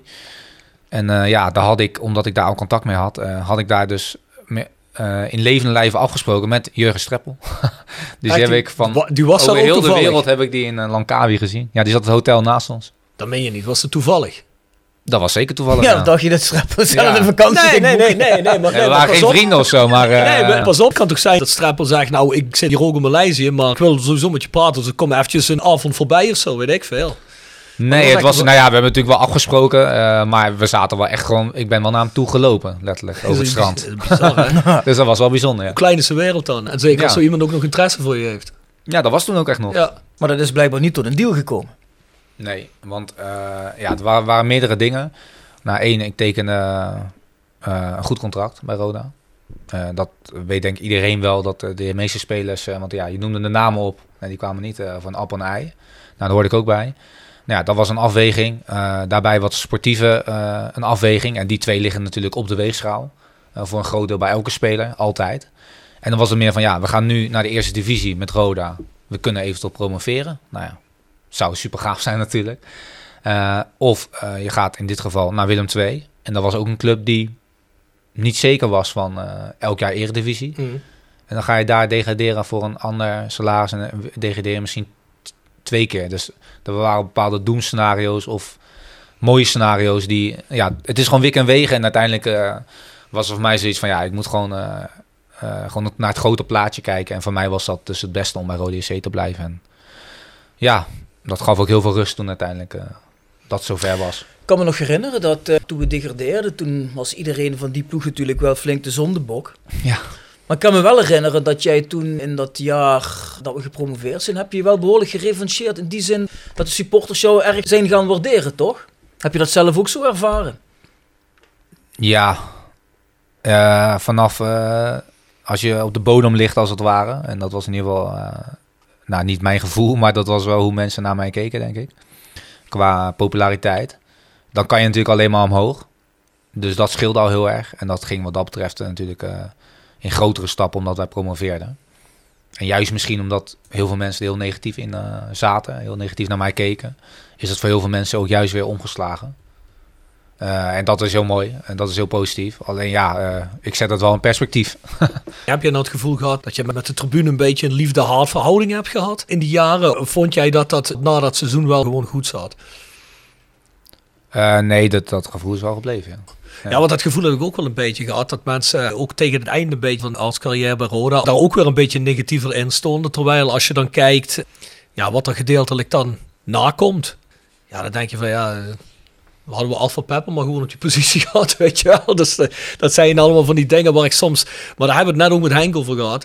Dat er, daar hebben we het sowieso vaak over in de podcast. Een kerkraad is wat je zelf zegt, is fanatiek publiek. Maar er wordt ook wel heel erg extreem. Wordt er geoordeeld op sommige dingen waarvan ik zeg, ja jongens, ik kan me nog herinneren dat mensen vonden dat, ik weet niet welk seizoen dat was, dat jij niet optimaal speelde. Dat die, eh, ik weet niet wie was dat toen in die tijd, die liet je wel gewoon staan. De trainer. Ja, ik weet niet meer, ik, ja, er zijn er zoveel geweest in de tijd. Wat was dat? Anesthesie of Kalasis, denk ik. Ja, precies. Eén van die twee was dat toen.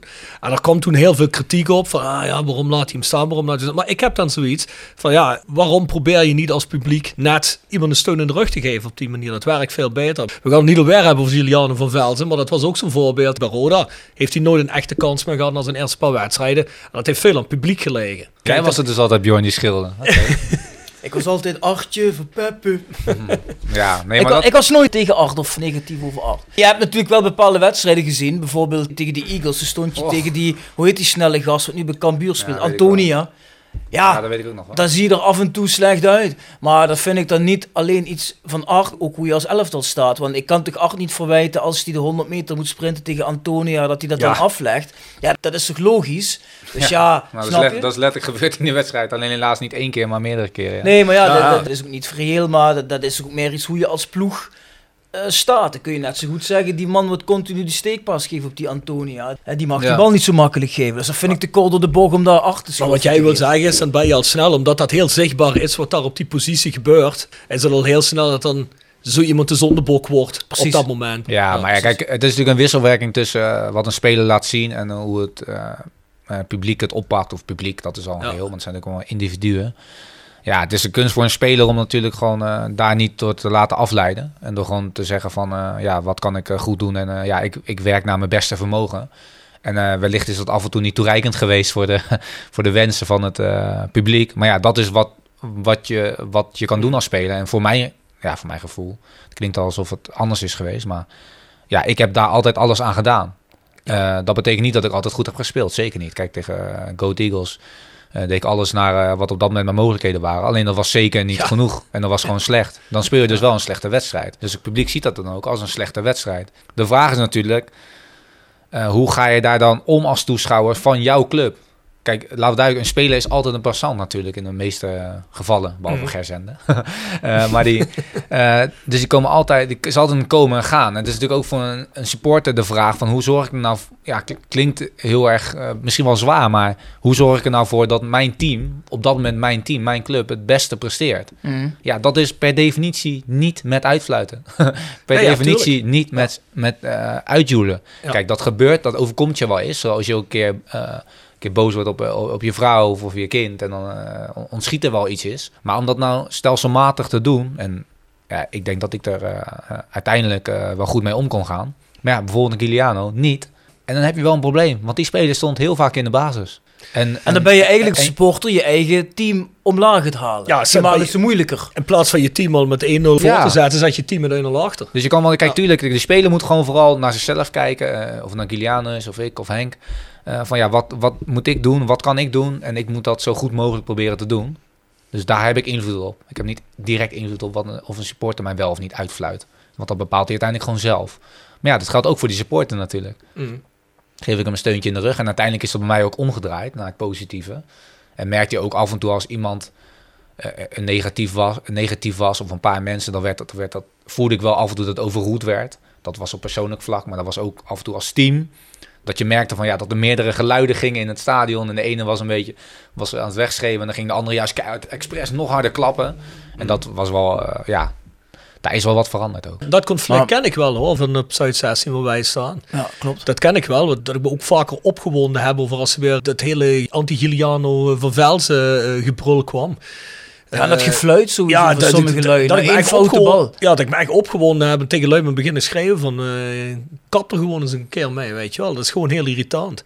Maar kun je je voorstellen, op dat moment, als je drie wedstrijden achter elkaar als je zegt, ah kom op Giliano, volgende bal goed. Die jongen die durft meer, dan lukt er ook meer. Meer zelfvertrouwen en dan heb je misschien goud, dat weet je niet. Maar Art, nu heb jij bij een hele rits clubs in Nederland gespeeld. Is Roda wat dat betreft een moeilijkere club dan die andere clubs? Of is dat overal wel een beetje zo? Ja, het is overal natuurlijk in meer en mindere mate zo. Maar Rode JC was ook voor mij mijn grootste club. Dus voor mij was er ook de meeste hectiek. Eh, ja, dat kwam natuurlijk ook door het eerste seizoen. Eh, maar ja, eh, ik heb wel een bingo kaart vol met keren dat ik ben opgewacht. Of ik als team opgewacht ben door supporters na de wedstrijd. Ja, ja, ja. Die heb ik voorgekregen bij Roda. Eh, dus ja, daar lachen we nu om. Maar dat was ja, om meerdere redenen niet leuk. Eh, de hoofdoorzaak eh, was niet leuk, want dat betekent dat de prestaties niet goed zijn. Ja, en dan voor jezelf is het ook niet leuk, maar voor supporters is het ook niet leuk. Want Heb je dan nooit zoiets zwaar gefrustreerd. Heb je dan ooit zoiets gehad als je dan opgewacht werd van... oh shit, ik heb geen zin om in mijn auto te lopen? Of dacht je van... Nou ja, het zal wel meevallen, maar ik heb gewoon geen zin in dat gesprek hier. Nou, al die gevoelens zijn wel voorbij gekomen. Maar ja, zeker natuurlijk na mijn eerste jaar en dat ik bleef. eh, en dat jaar daarop zijn we natuurlijk ook een paar keer opgewacht. Eh, ik bedoel, MVV eh, uit was toen een slechte wedstrijd. Na de winterstop volgens mij in de eerste divisie Mhm. ja, zijn we opgewacht. Stonden de auto's al ergens anders. Nou, dat is op zich, ik weet niet of iemand anders het al verteld heeft. Nee. Zo ja, dan Nee. zal ik nu stoppen. Maar anders vertel ik het er graag. Natuurlijk bij MVV, nou ja, was na de winterstop. we streden nog om de We streden echt nog om kampioenschap, eerlijk gezegd. We stonden tweede achter NEC, die het fantastisch deed dat jaar. Is het die wedstrijd waarin Anko Jansen rood kreeg? voor die. spugen? voor spugen, voor vermeend spugen. Ja. Eh, maar in ieder geval, ja, eh, hij kreeg rood. eh, we verloren die wedstrijd, dus wij terug. Maar die auto stond bij Van der Valk. Dat was al expres gedaan. Dus daar is dus al door de veiligheidscoördinatoren is daar rekening mee gehouden. Dus wij met die bus daar naartoe. Terug, nou ja, natuurlijk teleurgesteld, een kippen eindje. Dus wij komen aan met die bus daar en was echt donker. Het was natuurlijk s'avonds, die wedstrijd. eh nou, ondertussen was het niet, was s'avonds. Eh die wedstrijd was denk ik middags. Eh, we kwamen daar aan en het was super, ja, super donker en het hek was dicht. Het was zo'n grote, ja, zo'n elektrische poort. Dat was wel een beetje raar. Of nee, het was niet eens dicht volgens mij. Voor mij stonden er mensen voor. En toen stond die bus stil en opeens, alsof die auto's achter bosjes stonden of achter kleine boompjes, opeens kwamen overal auto's vandaan.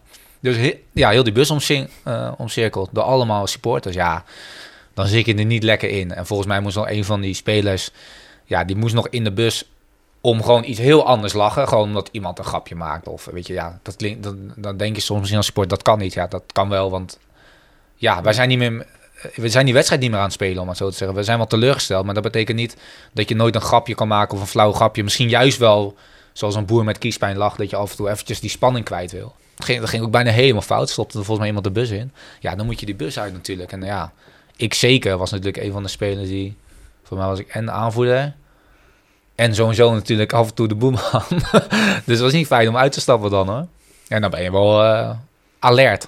Zou je maar gebeuren, er bij Leo Stok of eh, Ivo Hoogbe voor je neus. Ja, maar Leon Stok heeft altijd de spelers beschermd. Ja, die heeft een speler Ja, beschermd. ja, die heeft altijd iedereen eh, geprobeerd weg te... Die ken je wel, Leon Stok. Misschien niet als persoon, maar die ken je wel van zien, denk ik. Ja, dat zal wel. Hele grote gast met een grote sik. Tatoeages. Ziet uit als een biker. Ja, echt wel. Ja, ja, nee, dat was ook eh, Zie je? prima. Maar jij had ook van die grote gasten die heel erg dreigend overkwamen. Na een tijdje kende ik ze natuurlijk en wist ik wel wie ze waren. En ik wist ook wel wanneer ze gewoon eh, ja, niet, te, niet te spreken waren over je. maar ja, dat soort, dat soort opwachten door het publiek, dat is wel vaak gebeurd hoor. Dat is wel echt, eh, we hebben echt een keer met een bus ergens in in industrieterrein eh gewoon gestaan. Met de bus gewoon om te wachten dat dan bepaalde mensen weggingen bij, het, bij Karheide, Karheide toen nog. Ja, omdat gewoon de, de spanning te, te hoog was. Mochten gewoon niet daar naartoe. Denk je Ja, op zo'n dat- moment, wat de fuck doe ik hier? Nee, ja, het is, een, het is echt surrealistisch. Eh, Want ja, je hebt natuurlijk slecht gespeeld, dus daar bouw je van. Eh, eh, maar ja, eh, ja je, je bent gewoon weer bezig met eh, wat je de, ja, dan nog niet, maar wat je daarna weer beter kan doen. Dus ja, ik was wel teleurgesteld dat na een wedstrijd, maar ja, Ja, ik had dat- er zelf een slapeloze nacht van. Maar supporters zitten er ander- anders in, want die hebben natuurlijk een machteloosheid erbij. En dat hebben wij natuurlijk niet. Wij, hebben, wij zijn deelgenoten van. Ja, en dat is natuurlijk ook wel iets wat je bij ja, Excelsior of RKC niet snel zal gebeuren, denk ik. Dat je de bus opgewacht krijgt. Dus wat dat betreft is dat denk ik inderdaad wel, eh, wel heel anders. Ja, De fanatiekere aanhang Rotterdam zit niet bij Excelsior, denk ik. Toch? Nee. nee, je zit aan de andere kant van, eh, Dat denk ik ook. van de Maas. Ah, jongens, we moeten eens even naar wat vragen van luisteraars. Want Ja. anders Ja, vergeten doe we dat dat eens. helemaal. hè. Ja. Jasper Klute, die vraag is al beantwoord. Eh, waarom je bij Roda bent gebleven na de degradatie. Maar hij gaat ook even vooruit in de tijd. In je laatste seizoen bij Roda, 17-18, werd jij samen met vijf medespelers tot aanvoerder gebombardeerd. Zorgde dit niet gelijk voor een rare sfeer binnen de selectie? Ik vond het ook een rare actie, eerlijk gezegd. Vijf aanvoerders. Nou, dat zorgde niet voor een rare sfeer. Alleen ik had persoonlijk wel mijn bedenkingen daarbij. Ja. Wie deed dat? Molenaar was dat? Molenaar, ja. De aanvoerder werd uiteindelijk gekozen door... eh nou, hij werd niet... Molenaar had gevraagd van... eh, ja, stemmen jullie allemaal op een aanvoerder? Waarvan jullie denken dat moet de aanvoerder zijn? Nou, dat was best wel gedeeld. Volgens mij eh, waren ik en Adil waren degene die de meeste stemmen kregen. Waarvan ik net wat meer had. Dus ik werd... Ja, uiteindelijk nam hij dan de beslissing om dat over te nemen. Dat was natuurlijk aan hem of dat, om dat wel of niet over te nemen. Dus werd ik aanvoerder. Alleen ja, wel met nog een paar anderen. En er werden een soort van eh, taken verdeeld. Eh, en nu heb ik trouwens een, pas een boek gelezen. Ging, eh, gaat over eh, de All Blacks, het rugbyteam van eh, Nieuw-Zeeland. Ja. Ehm ja, heet Legacy. En daar kwam ook zoiets in voor. Dat ik, bij, dat ik, dat ik toen dacht opeens... Oh, misschien heeft Molenaar dat boek gelezen... en heeft zich daardoor laten inspireren. Ja. Wat op zich wel wat voor te zeggen was. Alleen voor mijn gevoel werd dat... Stap 1 werd wel gezet door te zeggen... Ja, jij neemt hier de verantwoordelijkheid. Of je krijgt hier de verantwoordelijkheid. Maar de vervolgstappen meenemen in dat proces... Dat niet. Want ja, wie is er nou expert in...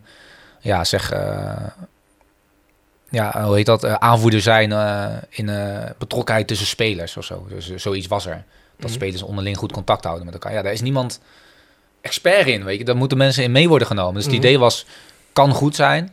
Alleen ja, er moet wel navolging aan worden gegeven. En nu was het vooral, ja, een beetje En, en, en wie droeg toen eigenlijk in de praktijk meestal de band? Was jij dat? Ik, totdat ik er niet meer speelde. En toen werd het eh Adil. Alzar. is helemaal ontgaan hè, dat Ouazal nog dat seizoen bij ons gespeeld heeft. Is hij in de winter weggegaan of zo? Nee, ook niet. Nee, hè? hij is gebleven. Daarna naar Sparta. Ja. Nou goed, even nog een andere vraag van Ja. Dennis Lemmens. Bekend. Eh, ja, ken je Dennis? Ja, ik ken Dennis heel goed. Ik Kijk. stuurde al een appje vandaag. Ik heb een vraag.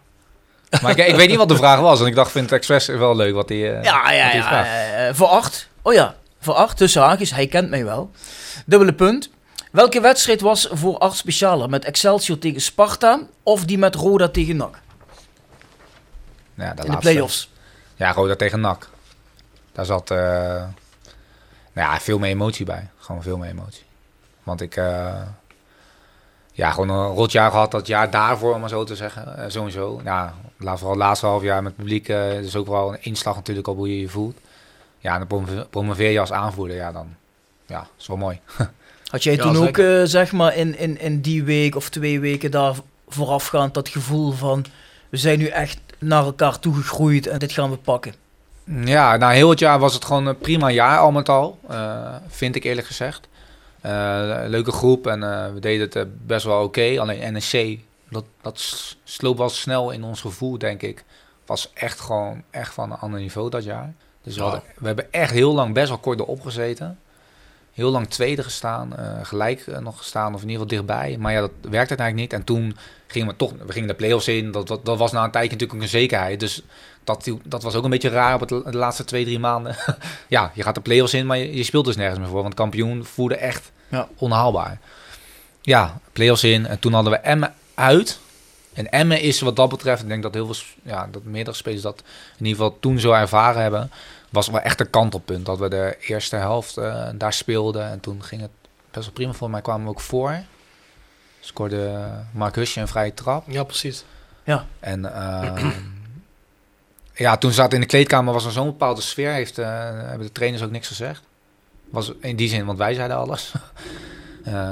Eh Anko ook daar een hele mooie rol in gespeeld. Mooi dat hij nu bij Emmen speelt trouwens.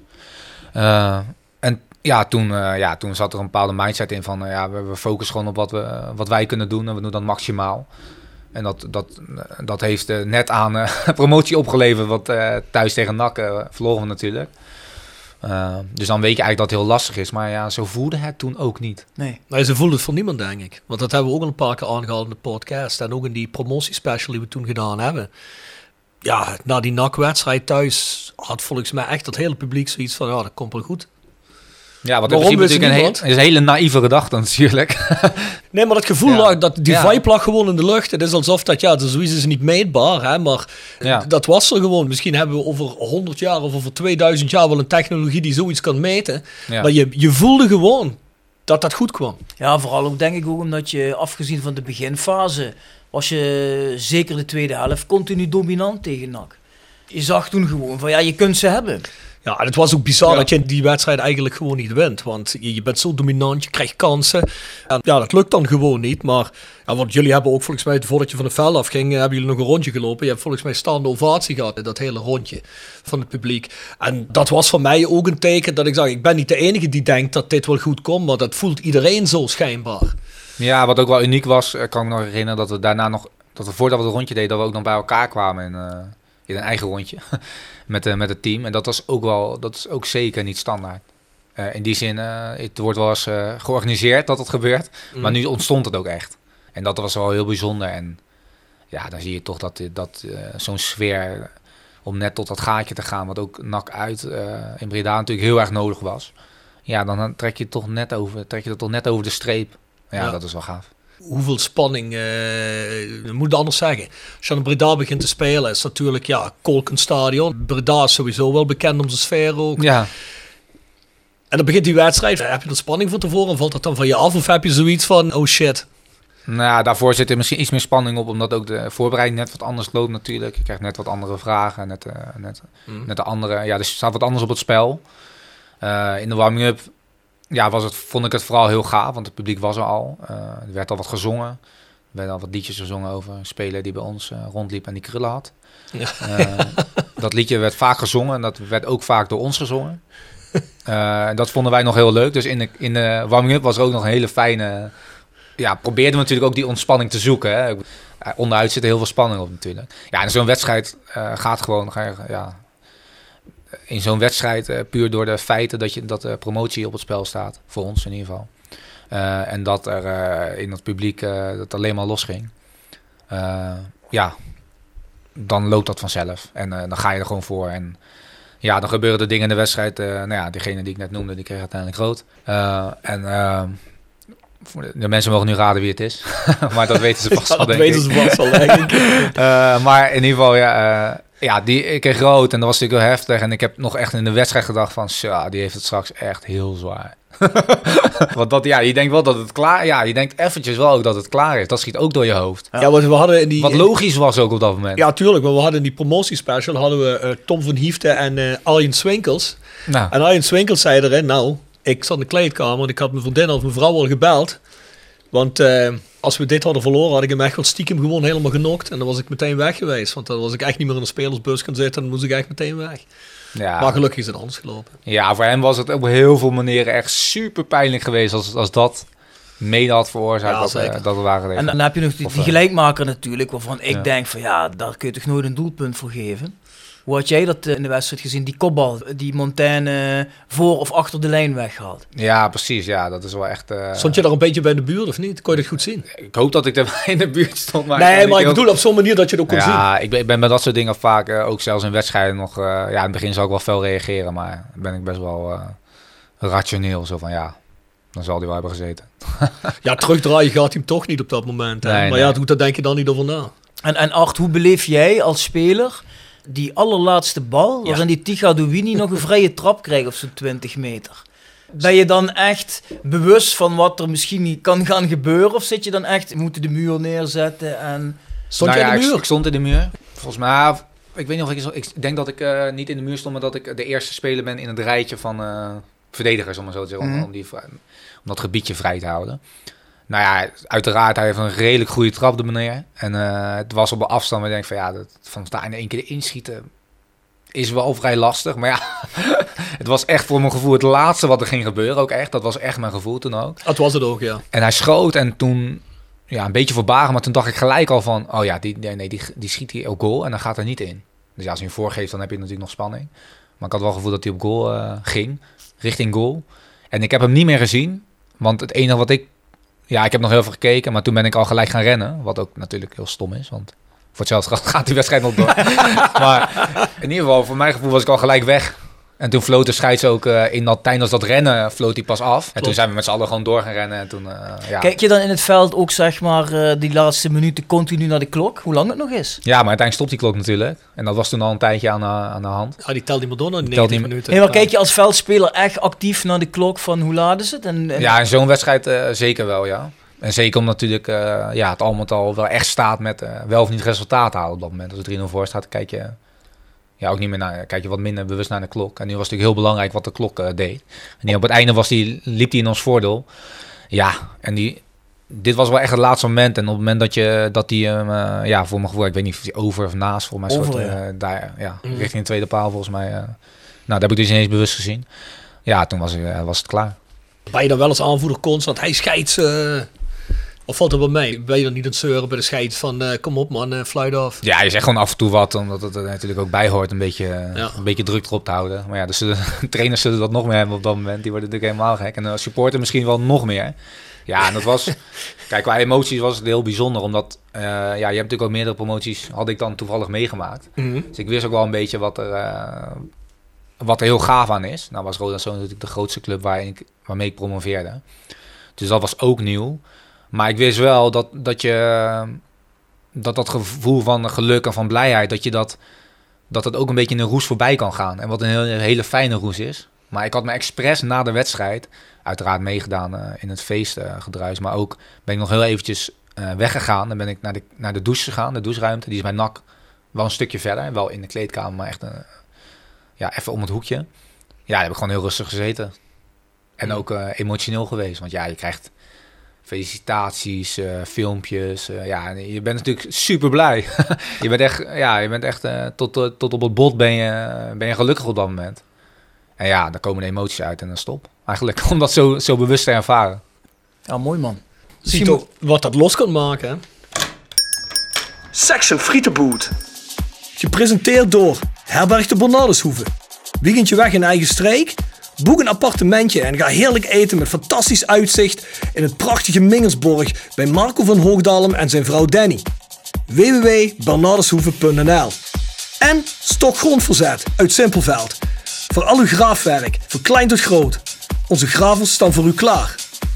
Tevens worden we gesteund door Wiert Personeelsdiensten. Ben je op zoek naar versterking van je personeel? Contacteer dan Wiert Personeelsdiensten in het PLS en vraag naar Mark of Sean. www.wierts.com Misschien moeten we even een rubriekje doen met Art. Ja. Zou Art wel eens in de frietenboot komen? Art, kom je wel eens in de frietenboot? Ik zag net dat woord staan op, de, op dat eh, formulier. ik weet niet plaatsen nog, helaas. De snackbar. Ja, ik dacht wel dat het een snackbar was. eh, maar ik dacht dat het ook een naam was van, eh, van een snackbar. Nee, nee, nee. Dat nee, niet. nee, Oh, dat noemen nee, wij hier de, tegen de frituren, de frietenboot. Kom je er wel eens? Ik kom wel eens, ja. eh, Wat is je favoriete natuurlijk- snack? Gisteren nog op. Mexicano. Mexicano. Mexicano. Ah, kijk, we hebben een rubriek. Op het einde van het seizoen kun je een goedbon voor de frituren winnen, voor de frietenboot. We stellen een selectie van snacks op en de mensen moeten raden wat voor gassen erachter zitten. Dus eh, ja, wie weet staat de Mexicano van de Petrol. Ja, nou ja. Mexicano van Art. Ik ben benieuwd. Hey, een ander leuk thema, wat ik wel eens een goede vraag vond. Een vraag van Roy Zende. En die zegt, beste Art, soms werd er op tv bij Voetbal Insight wel eens om je gelachen. Zag je dat als speler zelf en neem je zoiets mee naar het veld? Want ik kan me best voorstellen dat dat ja, best wel mentaal moeilijk kan zijn. Ja, ik heb het niet zelf gezien. eh, in, in- althans niet tijdens mijn carrière. Aangezien het eh, op landelijke tv was, werd ik er wel aan eh, op gewezen. dus Ja. ik wist wel dat er iets gezegd was. Ehm, en ik ging het expres niet kijken, omdat ik dacht, ja, dan neem ik dat mee het veld op. En dan, ja, ik denk daar dan wel over na. En ik probeer dat wel te plaatsen. Alleen ja, het heeft een invloed op je. Het kost energie. Niet nodig. Maar ja, dat neem je wel mee. Ook, ook dat, gegeven dat er iets gezegd is en dat het negatief is, want dat hoor je dan wel. Ja, dat neem je dan wel mee het veld eh, op, eerlijk gezegd. Alleen de kunst is wel om, dat, eh, om daar niet je gedrag door te laten beïnvloeden. Ik- hoe, dus hoe het- doe je dat? Nou ja, dat had ik natuurlijk in die zin al een beetje, eh, had ik ook wel moeten leren door, eh, door kritiek eh, vanuit het publiek, door, door fluiten of de opmerkingen. Ja, het doet je wat, alleen je moet het gewoon even, je moet het eigenlijk bijna zeggen één oor in, ander oor uit. Alleen ja, dat blijft heus wel hangen in je hersenen eventjes. Maar het gaat alleen maar om de volgende actie, wat jij dan kan doen op dat moment. Dus ik moet dan op dat moment de beste keuze maken en zo goed mogelijk dat proberen uit te voeren. Of ik nou wel of niet word uitgefloten of word toegejuicht of eh, doordat iemand iets slechts over me heeft gezegd.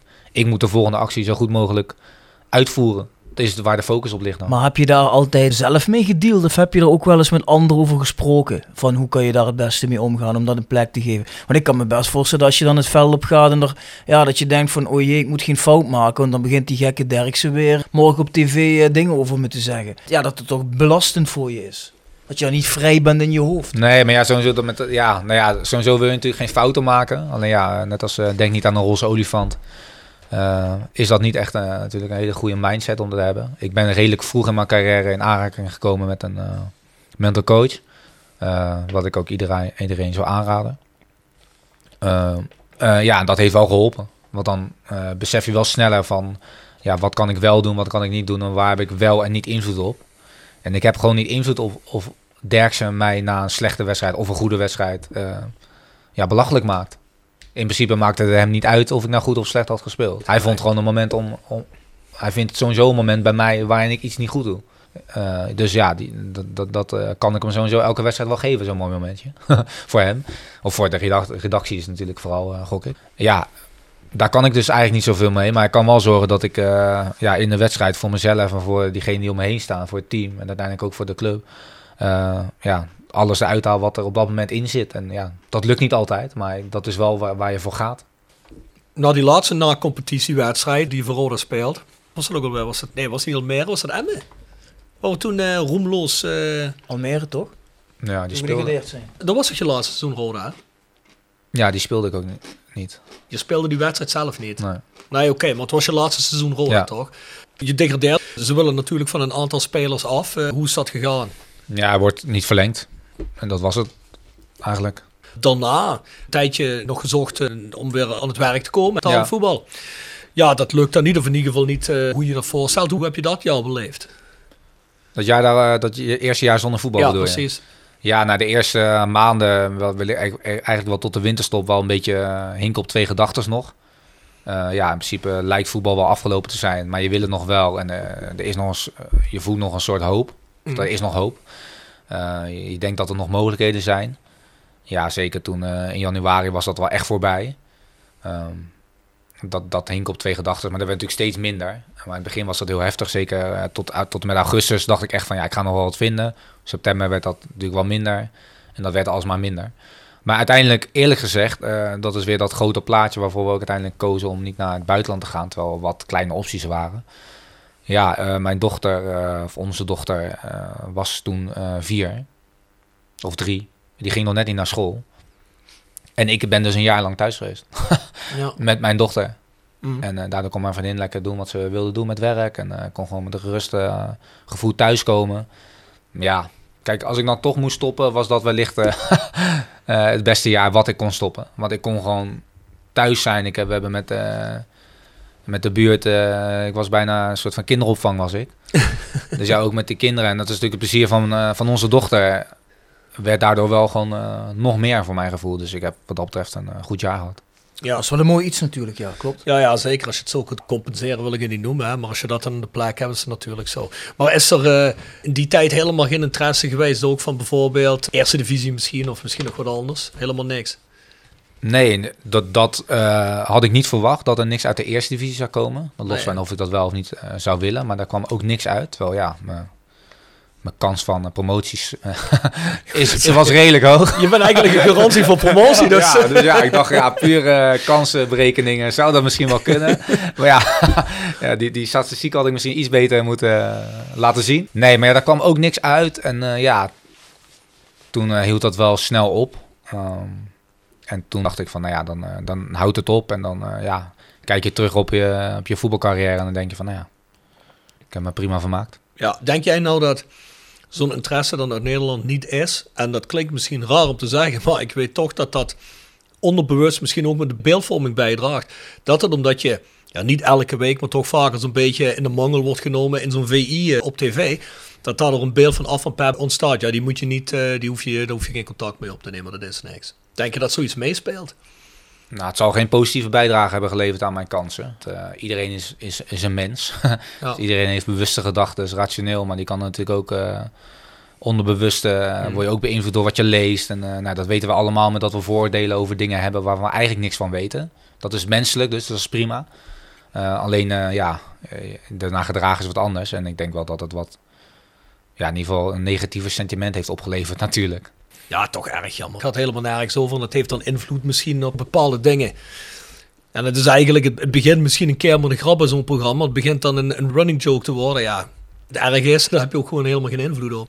Nee, nee, zeker niet. Eh, ik bedoel, eh, voor mijn naamsbekendheid eh, was, het, eh, was het positief. Alleen ja, ik heb niks aan mijn naamsbekendheid. Nee. Hey, we hebben trouwens weer een hele leuke e-mail gekregen van onze goede vriend Koen Landers. Die Ja. stuurt altijd hele leuke e-mails. Hè? Beste meneer Van Peppen. Kijk, Zo, netjes. Ja, dus zo kennen wij hem wel. Ik zie je nog vaker op Instagram voorbij komen met die geweldige brede glimlach in het mooie, tussen aanhalingstekens, Maastricht. Rennend, sportend en ploeterend, maar altijd gezond bezig. Iedereen kent meneer Van Peppen, dankzij Roda VI en de Instagram-pagina Elke Dag een Art. Word je nu als ex-Rode JC'er nog vaker herkend of aangesproken door MVV-fans, of verwatert dat uiteindelijk? Nou, dat verwatert sowieso. Maar ook in de periode dat ik speelde bij Roda...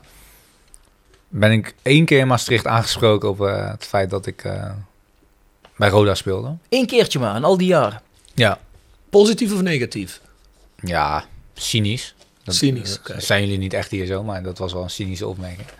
Dus ik denk, eh, dus ja, maar verder was het eh, ja, prima. Kijk, ik ga niet eh, de Platielstraat in eh, en daar eh, de kroeg kapot lopen natuurlijk. Dat is niet heel handig altijd.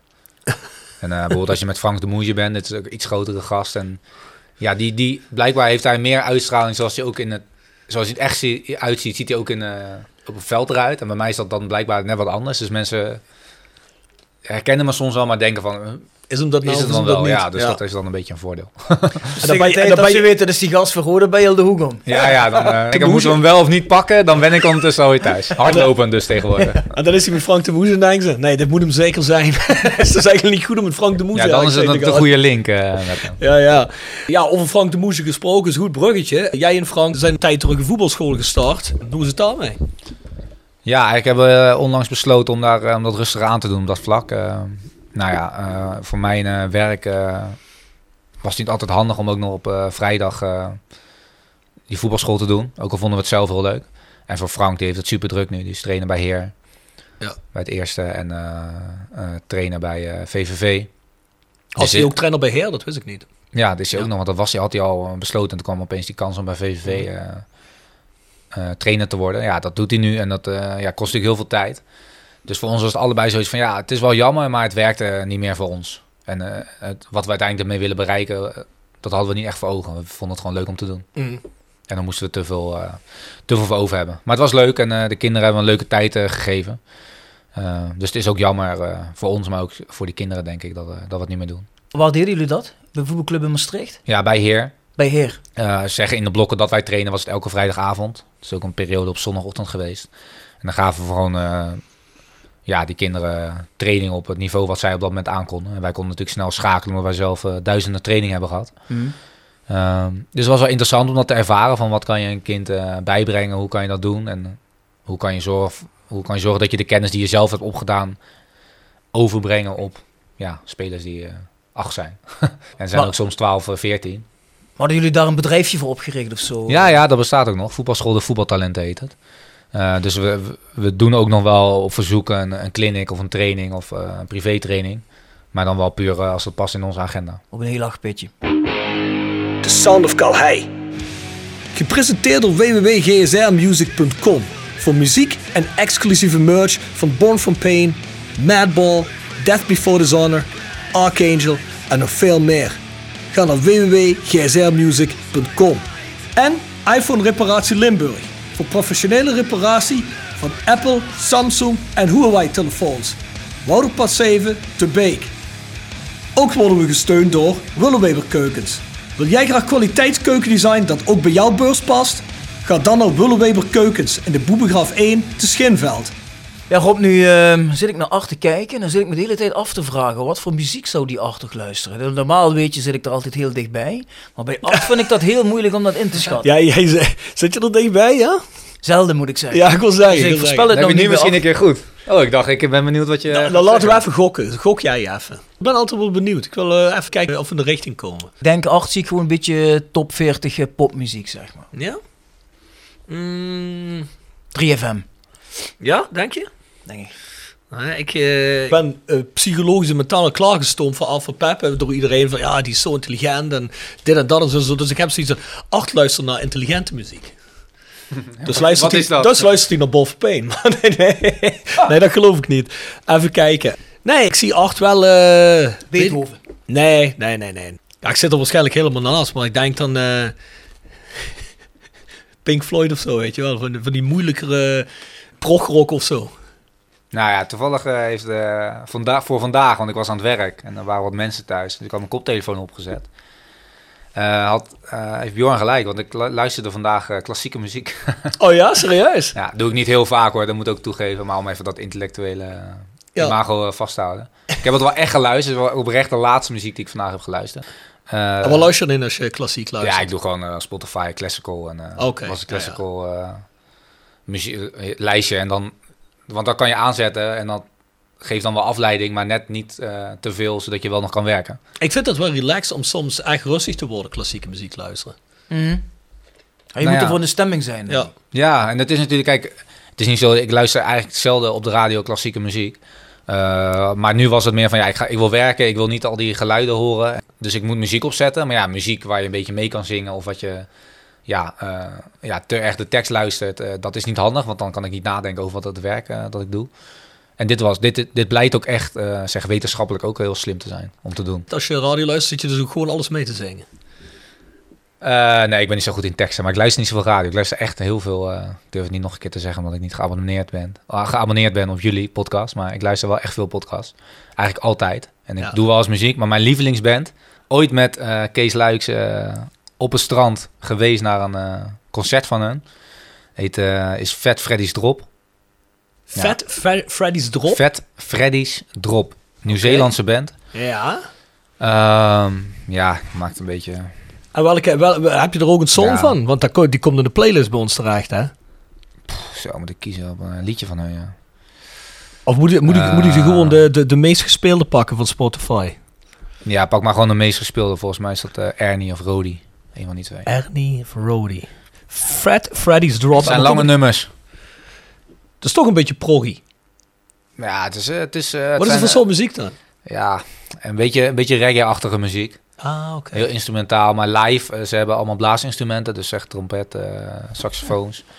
Ehm, ja, het is live zijn ze echt geweldig. En als je ze op zo'n playlist of op Spotify ook wel leuk vindt... dan vind je ze live echt eh, bizar goed. Want die nummers zijn dus 8 tot 12 minuten. Dus ja, dan kan je een beetje geloven als je een beetje in die, in die sfeer komt. Dan is dat Ja. echt eh, top. Ah, super. Maar ja, daar had ik ook kaartjes voor. Vorig jaar. Maar ja, die, komen, die komen dus even niet. Nee. En waar komen die vandaan? Nieuw-Zeeland, Wellington. Ah, oké. Ah, goed, ja, dat is wel een eindje weg, ja. Bjorn, heb je nog vragen? Ik heb nog één vraag voor Art van Mauro Kusters. En die wilde graag weten, wat vond je de beste trainer die je bij Rode gehad hebt? Ja, dat was, de, nou, ik wilde zeggen, dat was de trainer die ontslagen werd. Maar dat zijn natuurlijk... eh, zijn er meerdere. Ik wil zeggen, dat, ik dacht, nou, dat is makkelijk. wacht, dan laten we even gokken. Was dat Ja. een Ruud Brood? Ja, in mijn beleving was het Ruud Brood. Maar ik, Ja, heb, oké. ik heb ook de beste tijd bij, met Ruud Brood gehad. Ook bij RKC, dus Ja. ik ben eh, bevoordeeld. Die vraag wil ik ook nog even gesteld hebben van mijn kantoorgenoot Lennart Pelser. Die wilde graag van jou weten wat nu in al die jaren de mooiste periode is die je bij Rode hebt gehad. En waarom? Gewoon per seizoen... eh, Nee, gewoon één periode waarvan je denkt, ja, dat seizoen of een paar maanden, dat was eigenlijk het mooiste. Ja, ja. Klinkt een beetje raar, maar dat was de beginperiode van eh, Roda. Het begin. Dus quasi de eerste half jaar of zo. Ja, de eerste drie maanden waren echt... dan die- speelden we ook echt, hebben we ook echt goede wedstrijden gespeeld. Ja, dat was echt goed, ja. Ja, speelden we echt... Daarom dat Utrecht uit en meerdere wedstrijden speelden we echt gewoon... Ja, ik wil even tiki-taka, het fameuze eh, woord gebruiken. Maar dat was toen gedeeltelijk ook echt zo. Ja, daardoor waren de eh, verwachtingen heel hoog natuurlijk. Daardoor. Mhm. Maar dat was echt een mooie periode. Je bent nieuw bij een, bij een club. eh, je hebt nieuwe spelers, een nieuwe dynamiek. Ja, super gaaf. Je woont opeens heel ergens anders. Ja, dat was in alle opzichten was dat super leuk. We wonen heel veel jongens wonen in, nou, in een andere stad. En ja, was top. Alleen ja, uiteindelijk was het dus niet zo top. En scheiden eh, onze wegen. Ja, dat is wel sneu, hè, dat Arton de beste periode gehad eh, heeft. En daarna nog vier, drie kwart jaar heeft moeten doorgaan met eigenlijk een mindere periode. Ja, nou ja, ja. Gewoon het, waar je gewoon de meest enthousiast van was. Want dit- Ja. Maar het is ook meer van... Daarna is het meer gewoon een heel seizoen geweest, weet je. Dus dat is, meer, dat is dan een, een heel seizoen. In dat seizoen zijn er niet zo heel veel... Wat is nou heel bijzonders gebeurd in... Ja. Iets Nee, bijzonder zeker. positiefs met Anastasiel in dat jaar. Of met Kalasic dat jaar, ja. Niet echt. En natuurlijk de, de promotieperiode naar... eh, eh, was natuurlijk heel mooi. Mhm. Maar dat, ja, dat is zo'n korte periode. Dat was een week. Kon jij anesthesie wel verstaan? Ja, ja, hij kon hem wel verstaan. Ja, ja? Hij kon ook zichzelf heel goed verstaanbaar maken hoor. Vooral als je aan de andere kant van het veld stond, kon hij nog behoorlijk eh, goed zichzelf verstaanbaar maken. die- die Goede stembanden. In die interviews eh, na de wedstrijd, eh, ja, vroeg me eigenlijk af wat hij vertelde Ik altijd. vond het op de tv vond ik het echt tenenkrommend. Ja. Dat ik dacht van, wat is die man allemaal aan het vertellen?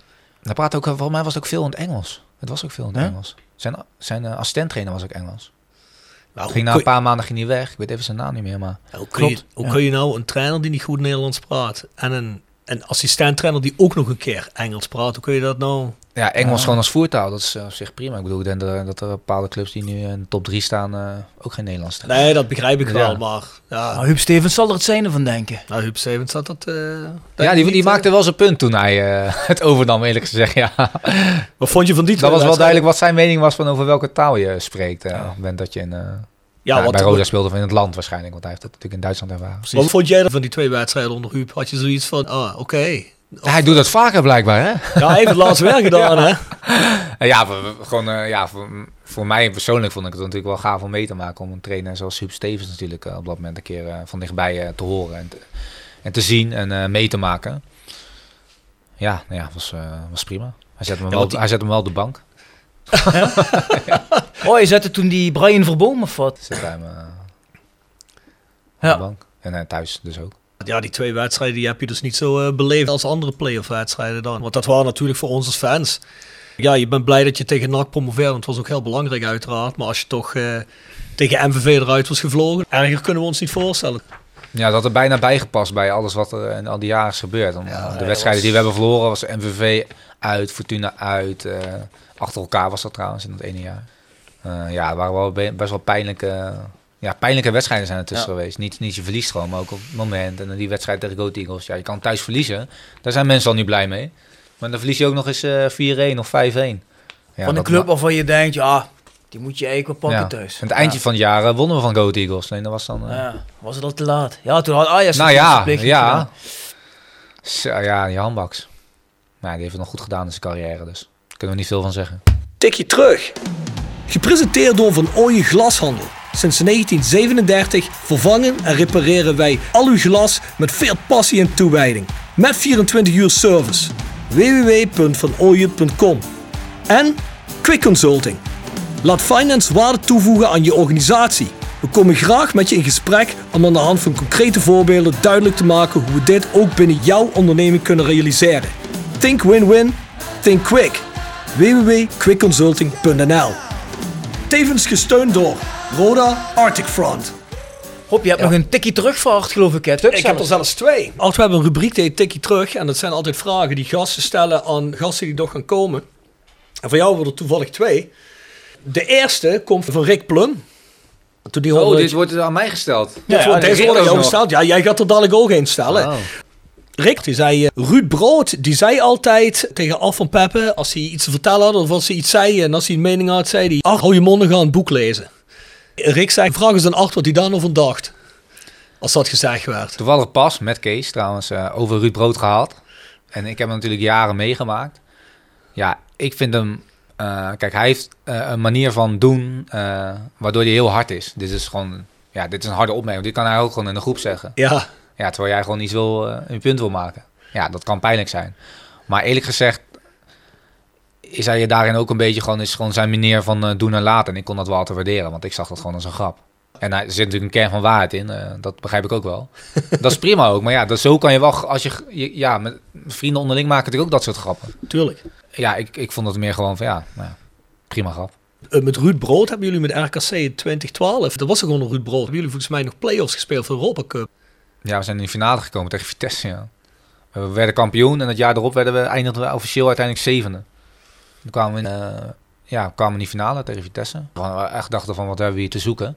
Maar we stonden er wel. Eh, en ja, die verloren dan, eh, helaas. Nou ja, helaas.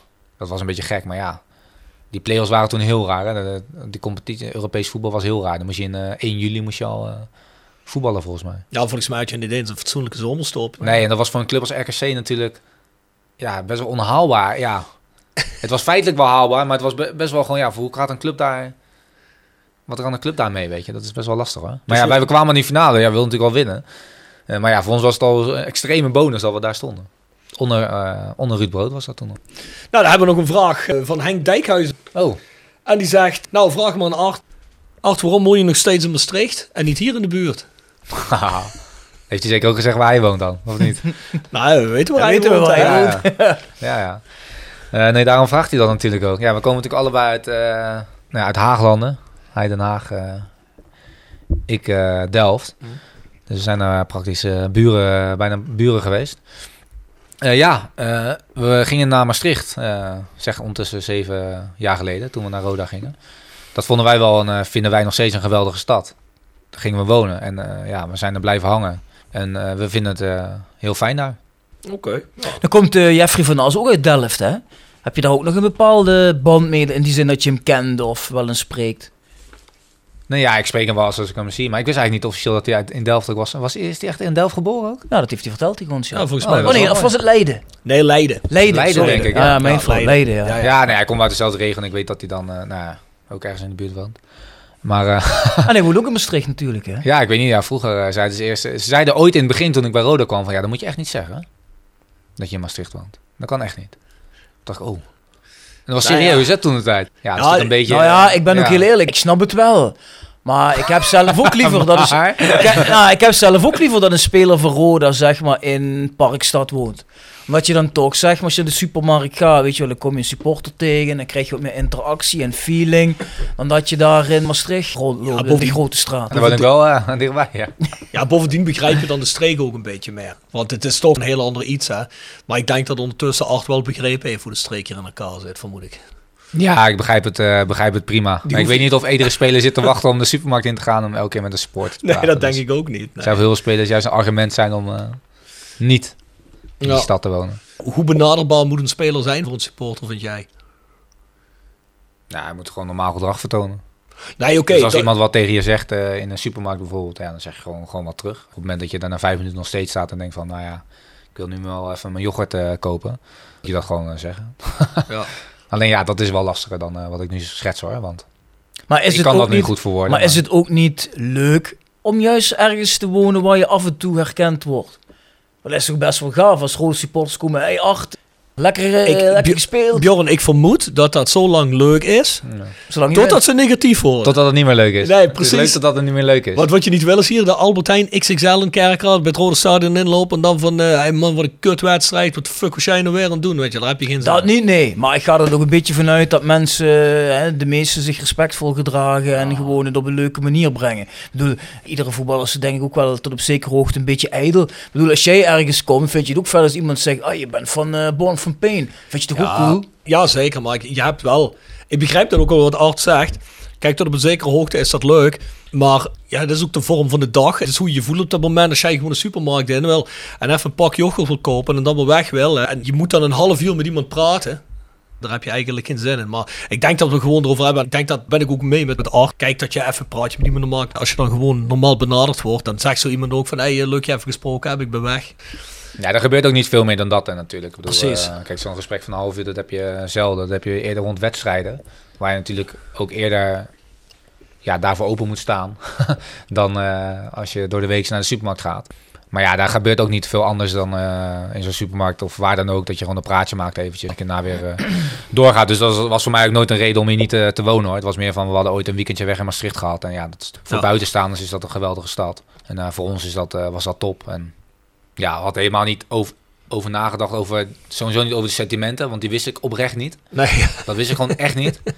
En twee al helemaal niet gedacht van daar wil ik niet wonen. Ik dacht meer van, wij dachten allebei van zo. Volgens mij kunnen we in Maastricht gaan wonen. Dat Nee, het is ook vergeven, Art. ja, hoeft Maar- niet hoor. Je mag in mee. Nee, nee, nee. Ik begrijp het. Ja, dit is natuurlijk... eh, Nee, ik bedoel, ik, ik, Ja. ik heb er ook geen problemen mee als iemand wel in Maastricht gaat wonen. Maar ik vind het best wel cool als een Nathan Rutjes gewoon in een of andere volkswijk in Blijerheide gaat wonen. Wat dan weer het totale andere uiterste is. En zich daar dan als een vis in het water voelt. Dat vind ik ook wel weer ruig. ja, natuurlijk. Het is de een om de ander, hè. Dus eh, Dat zegt ook wat dan over wat voor type speler dat is. En eh, misschien is dat wat dat betreft misschien ook wel een graadmeter. Eh, van wat voor karakter je dan eh, hebt of zo. Maar ja, het is maar net hoe je in het leven staat. Weet je. Ja. Ja. Voor mij is nog best wel veel interessants naast het voetbal. En dat heb ik altijd gehad. En dat is, heeft zijn voor- en nadelen uiteraard. Ja, maar daardoor zal, zal ik ook eerder geneigd zijn om dan dat andere ook heel erg goed eh, voor elkaar te hebben. en wat, dat was voor ons natuurlijk gewoon het leven zoals we nu nog steeds midden in de stad wonen. En gewoon binnen vijf minuten op het vrijthof staan. Ja, Nou, dat is best wel prettig. Zeker, daar valt Ja. ook goed voor te zeggen. zeker weten. Hey, eh, Art, heb jij een, eh, een tikje terug voor iemand anders? Want wat hebben we nog voor gasten in de toekomst, Bjorn? Nou, ik denk dat het nog eens tijd is om eens een speler te vragen. Hebben we een tijdje niet meer gedaan, denk ik. Ja, Ik denk dat we toch wel eens met Fabian Serarens moeten gaan zitten, toch? kunnen we zeker doen. Waarom moeten jullie met hem gaan zitten? Nou, omdat we het interessant vinden.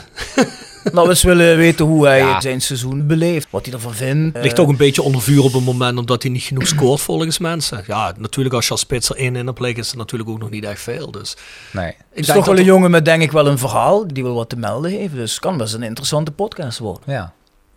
Ken jij eh, Fabian? Nee, ik ken hem niet. Oké.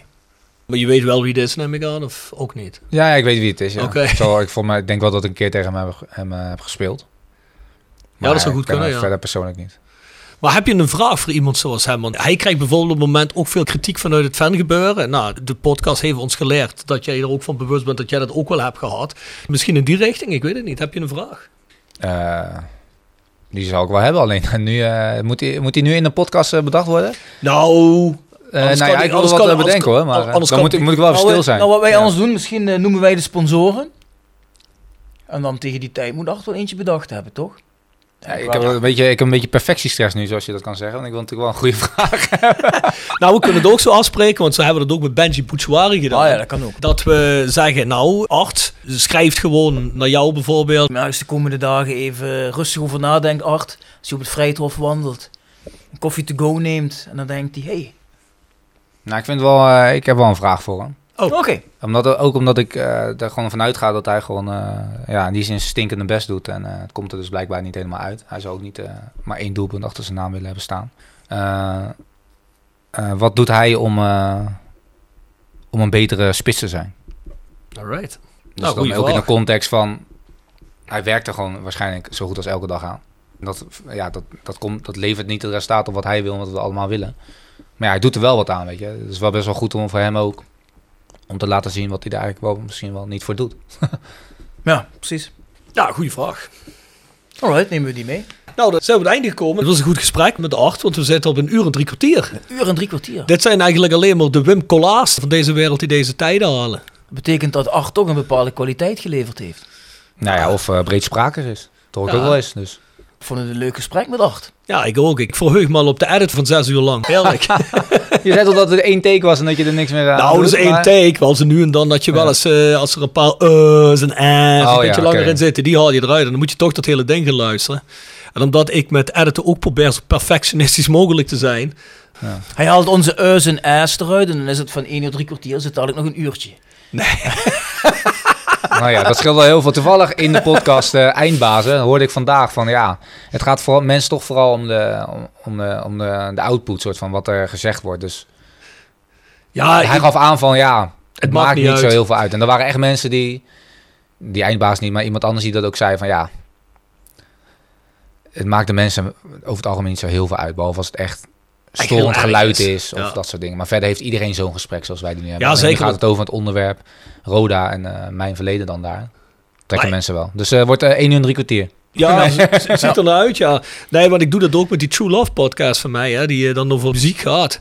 Ja, daar edit ik helemaal niet in. Want dat heb ik ook twee keer gedaan. En dan moet ik dan ook nog deze doen. Dan denk ik van, nee, dat begint niet aan. Dus dan zet ik gewoon een intro voor en een outro. En ik spreek er ook van tevoren even in met wie ik spreek en waarom. Ja, en dat is Ja. het eigenlijk. En eh, ja, daar hoor ik eigenlijk ook geen kritiek op. Nee. Misschien ergeren mensen zich wel kapot, dat weet ik niet. Maar eh, Ik denk niet dat de mensen dat storend vinden. Als ze het verhaal cool vinden, dan kan een een... Maakt dan verder niet nou, dan is dat vanaf volgende week helemaal voorbij. Bedankt, Art. Ja, top. Nee, jij slaapt pas om twee uur, dus je hebt op zich de tijd om vanavond nog te adden. Ja, jij Ja, bent helemaal gek, jij.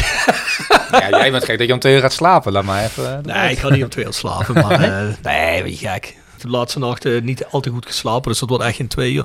Art, bedankt voor je tijd. Ik vond het echt een cool verhaal. Ja, En, ik eh, ook. ik denk de supporter van Roda ook. Denk ik ook. Ja, graag gedaan. Bjorn, de sponsoren, laten we ze nog een keer noemen. Jegers Advocaten, Nextdoor, Kapsalon, Nagel en Beauty Salon. Hotelrestaurant de Veilerhof, Herberg de Bernardeshoeve. Noordwand, www.gsrmusic.com. Stokgrondverzet, Rapi Autodemontage. Van Ooyen Glashandel, Quick Consulting. iPhone Reparatie Limburg, Willeweber Keukens. Wiertz Personeelsdiensten, Fendo Merchandising. Sky Art Picks Nederlands Mijnmuseum. en Roda Arctic Front. Rode fans uit Scandinavië. Scandinavië. Ja, mensen, dat was hem voor deze week. Het adres van onze shop is shop.south16.com. Ons mailadres is thevoiceofcalais@south16.com. En tot volgende week. Doei doei.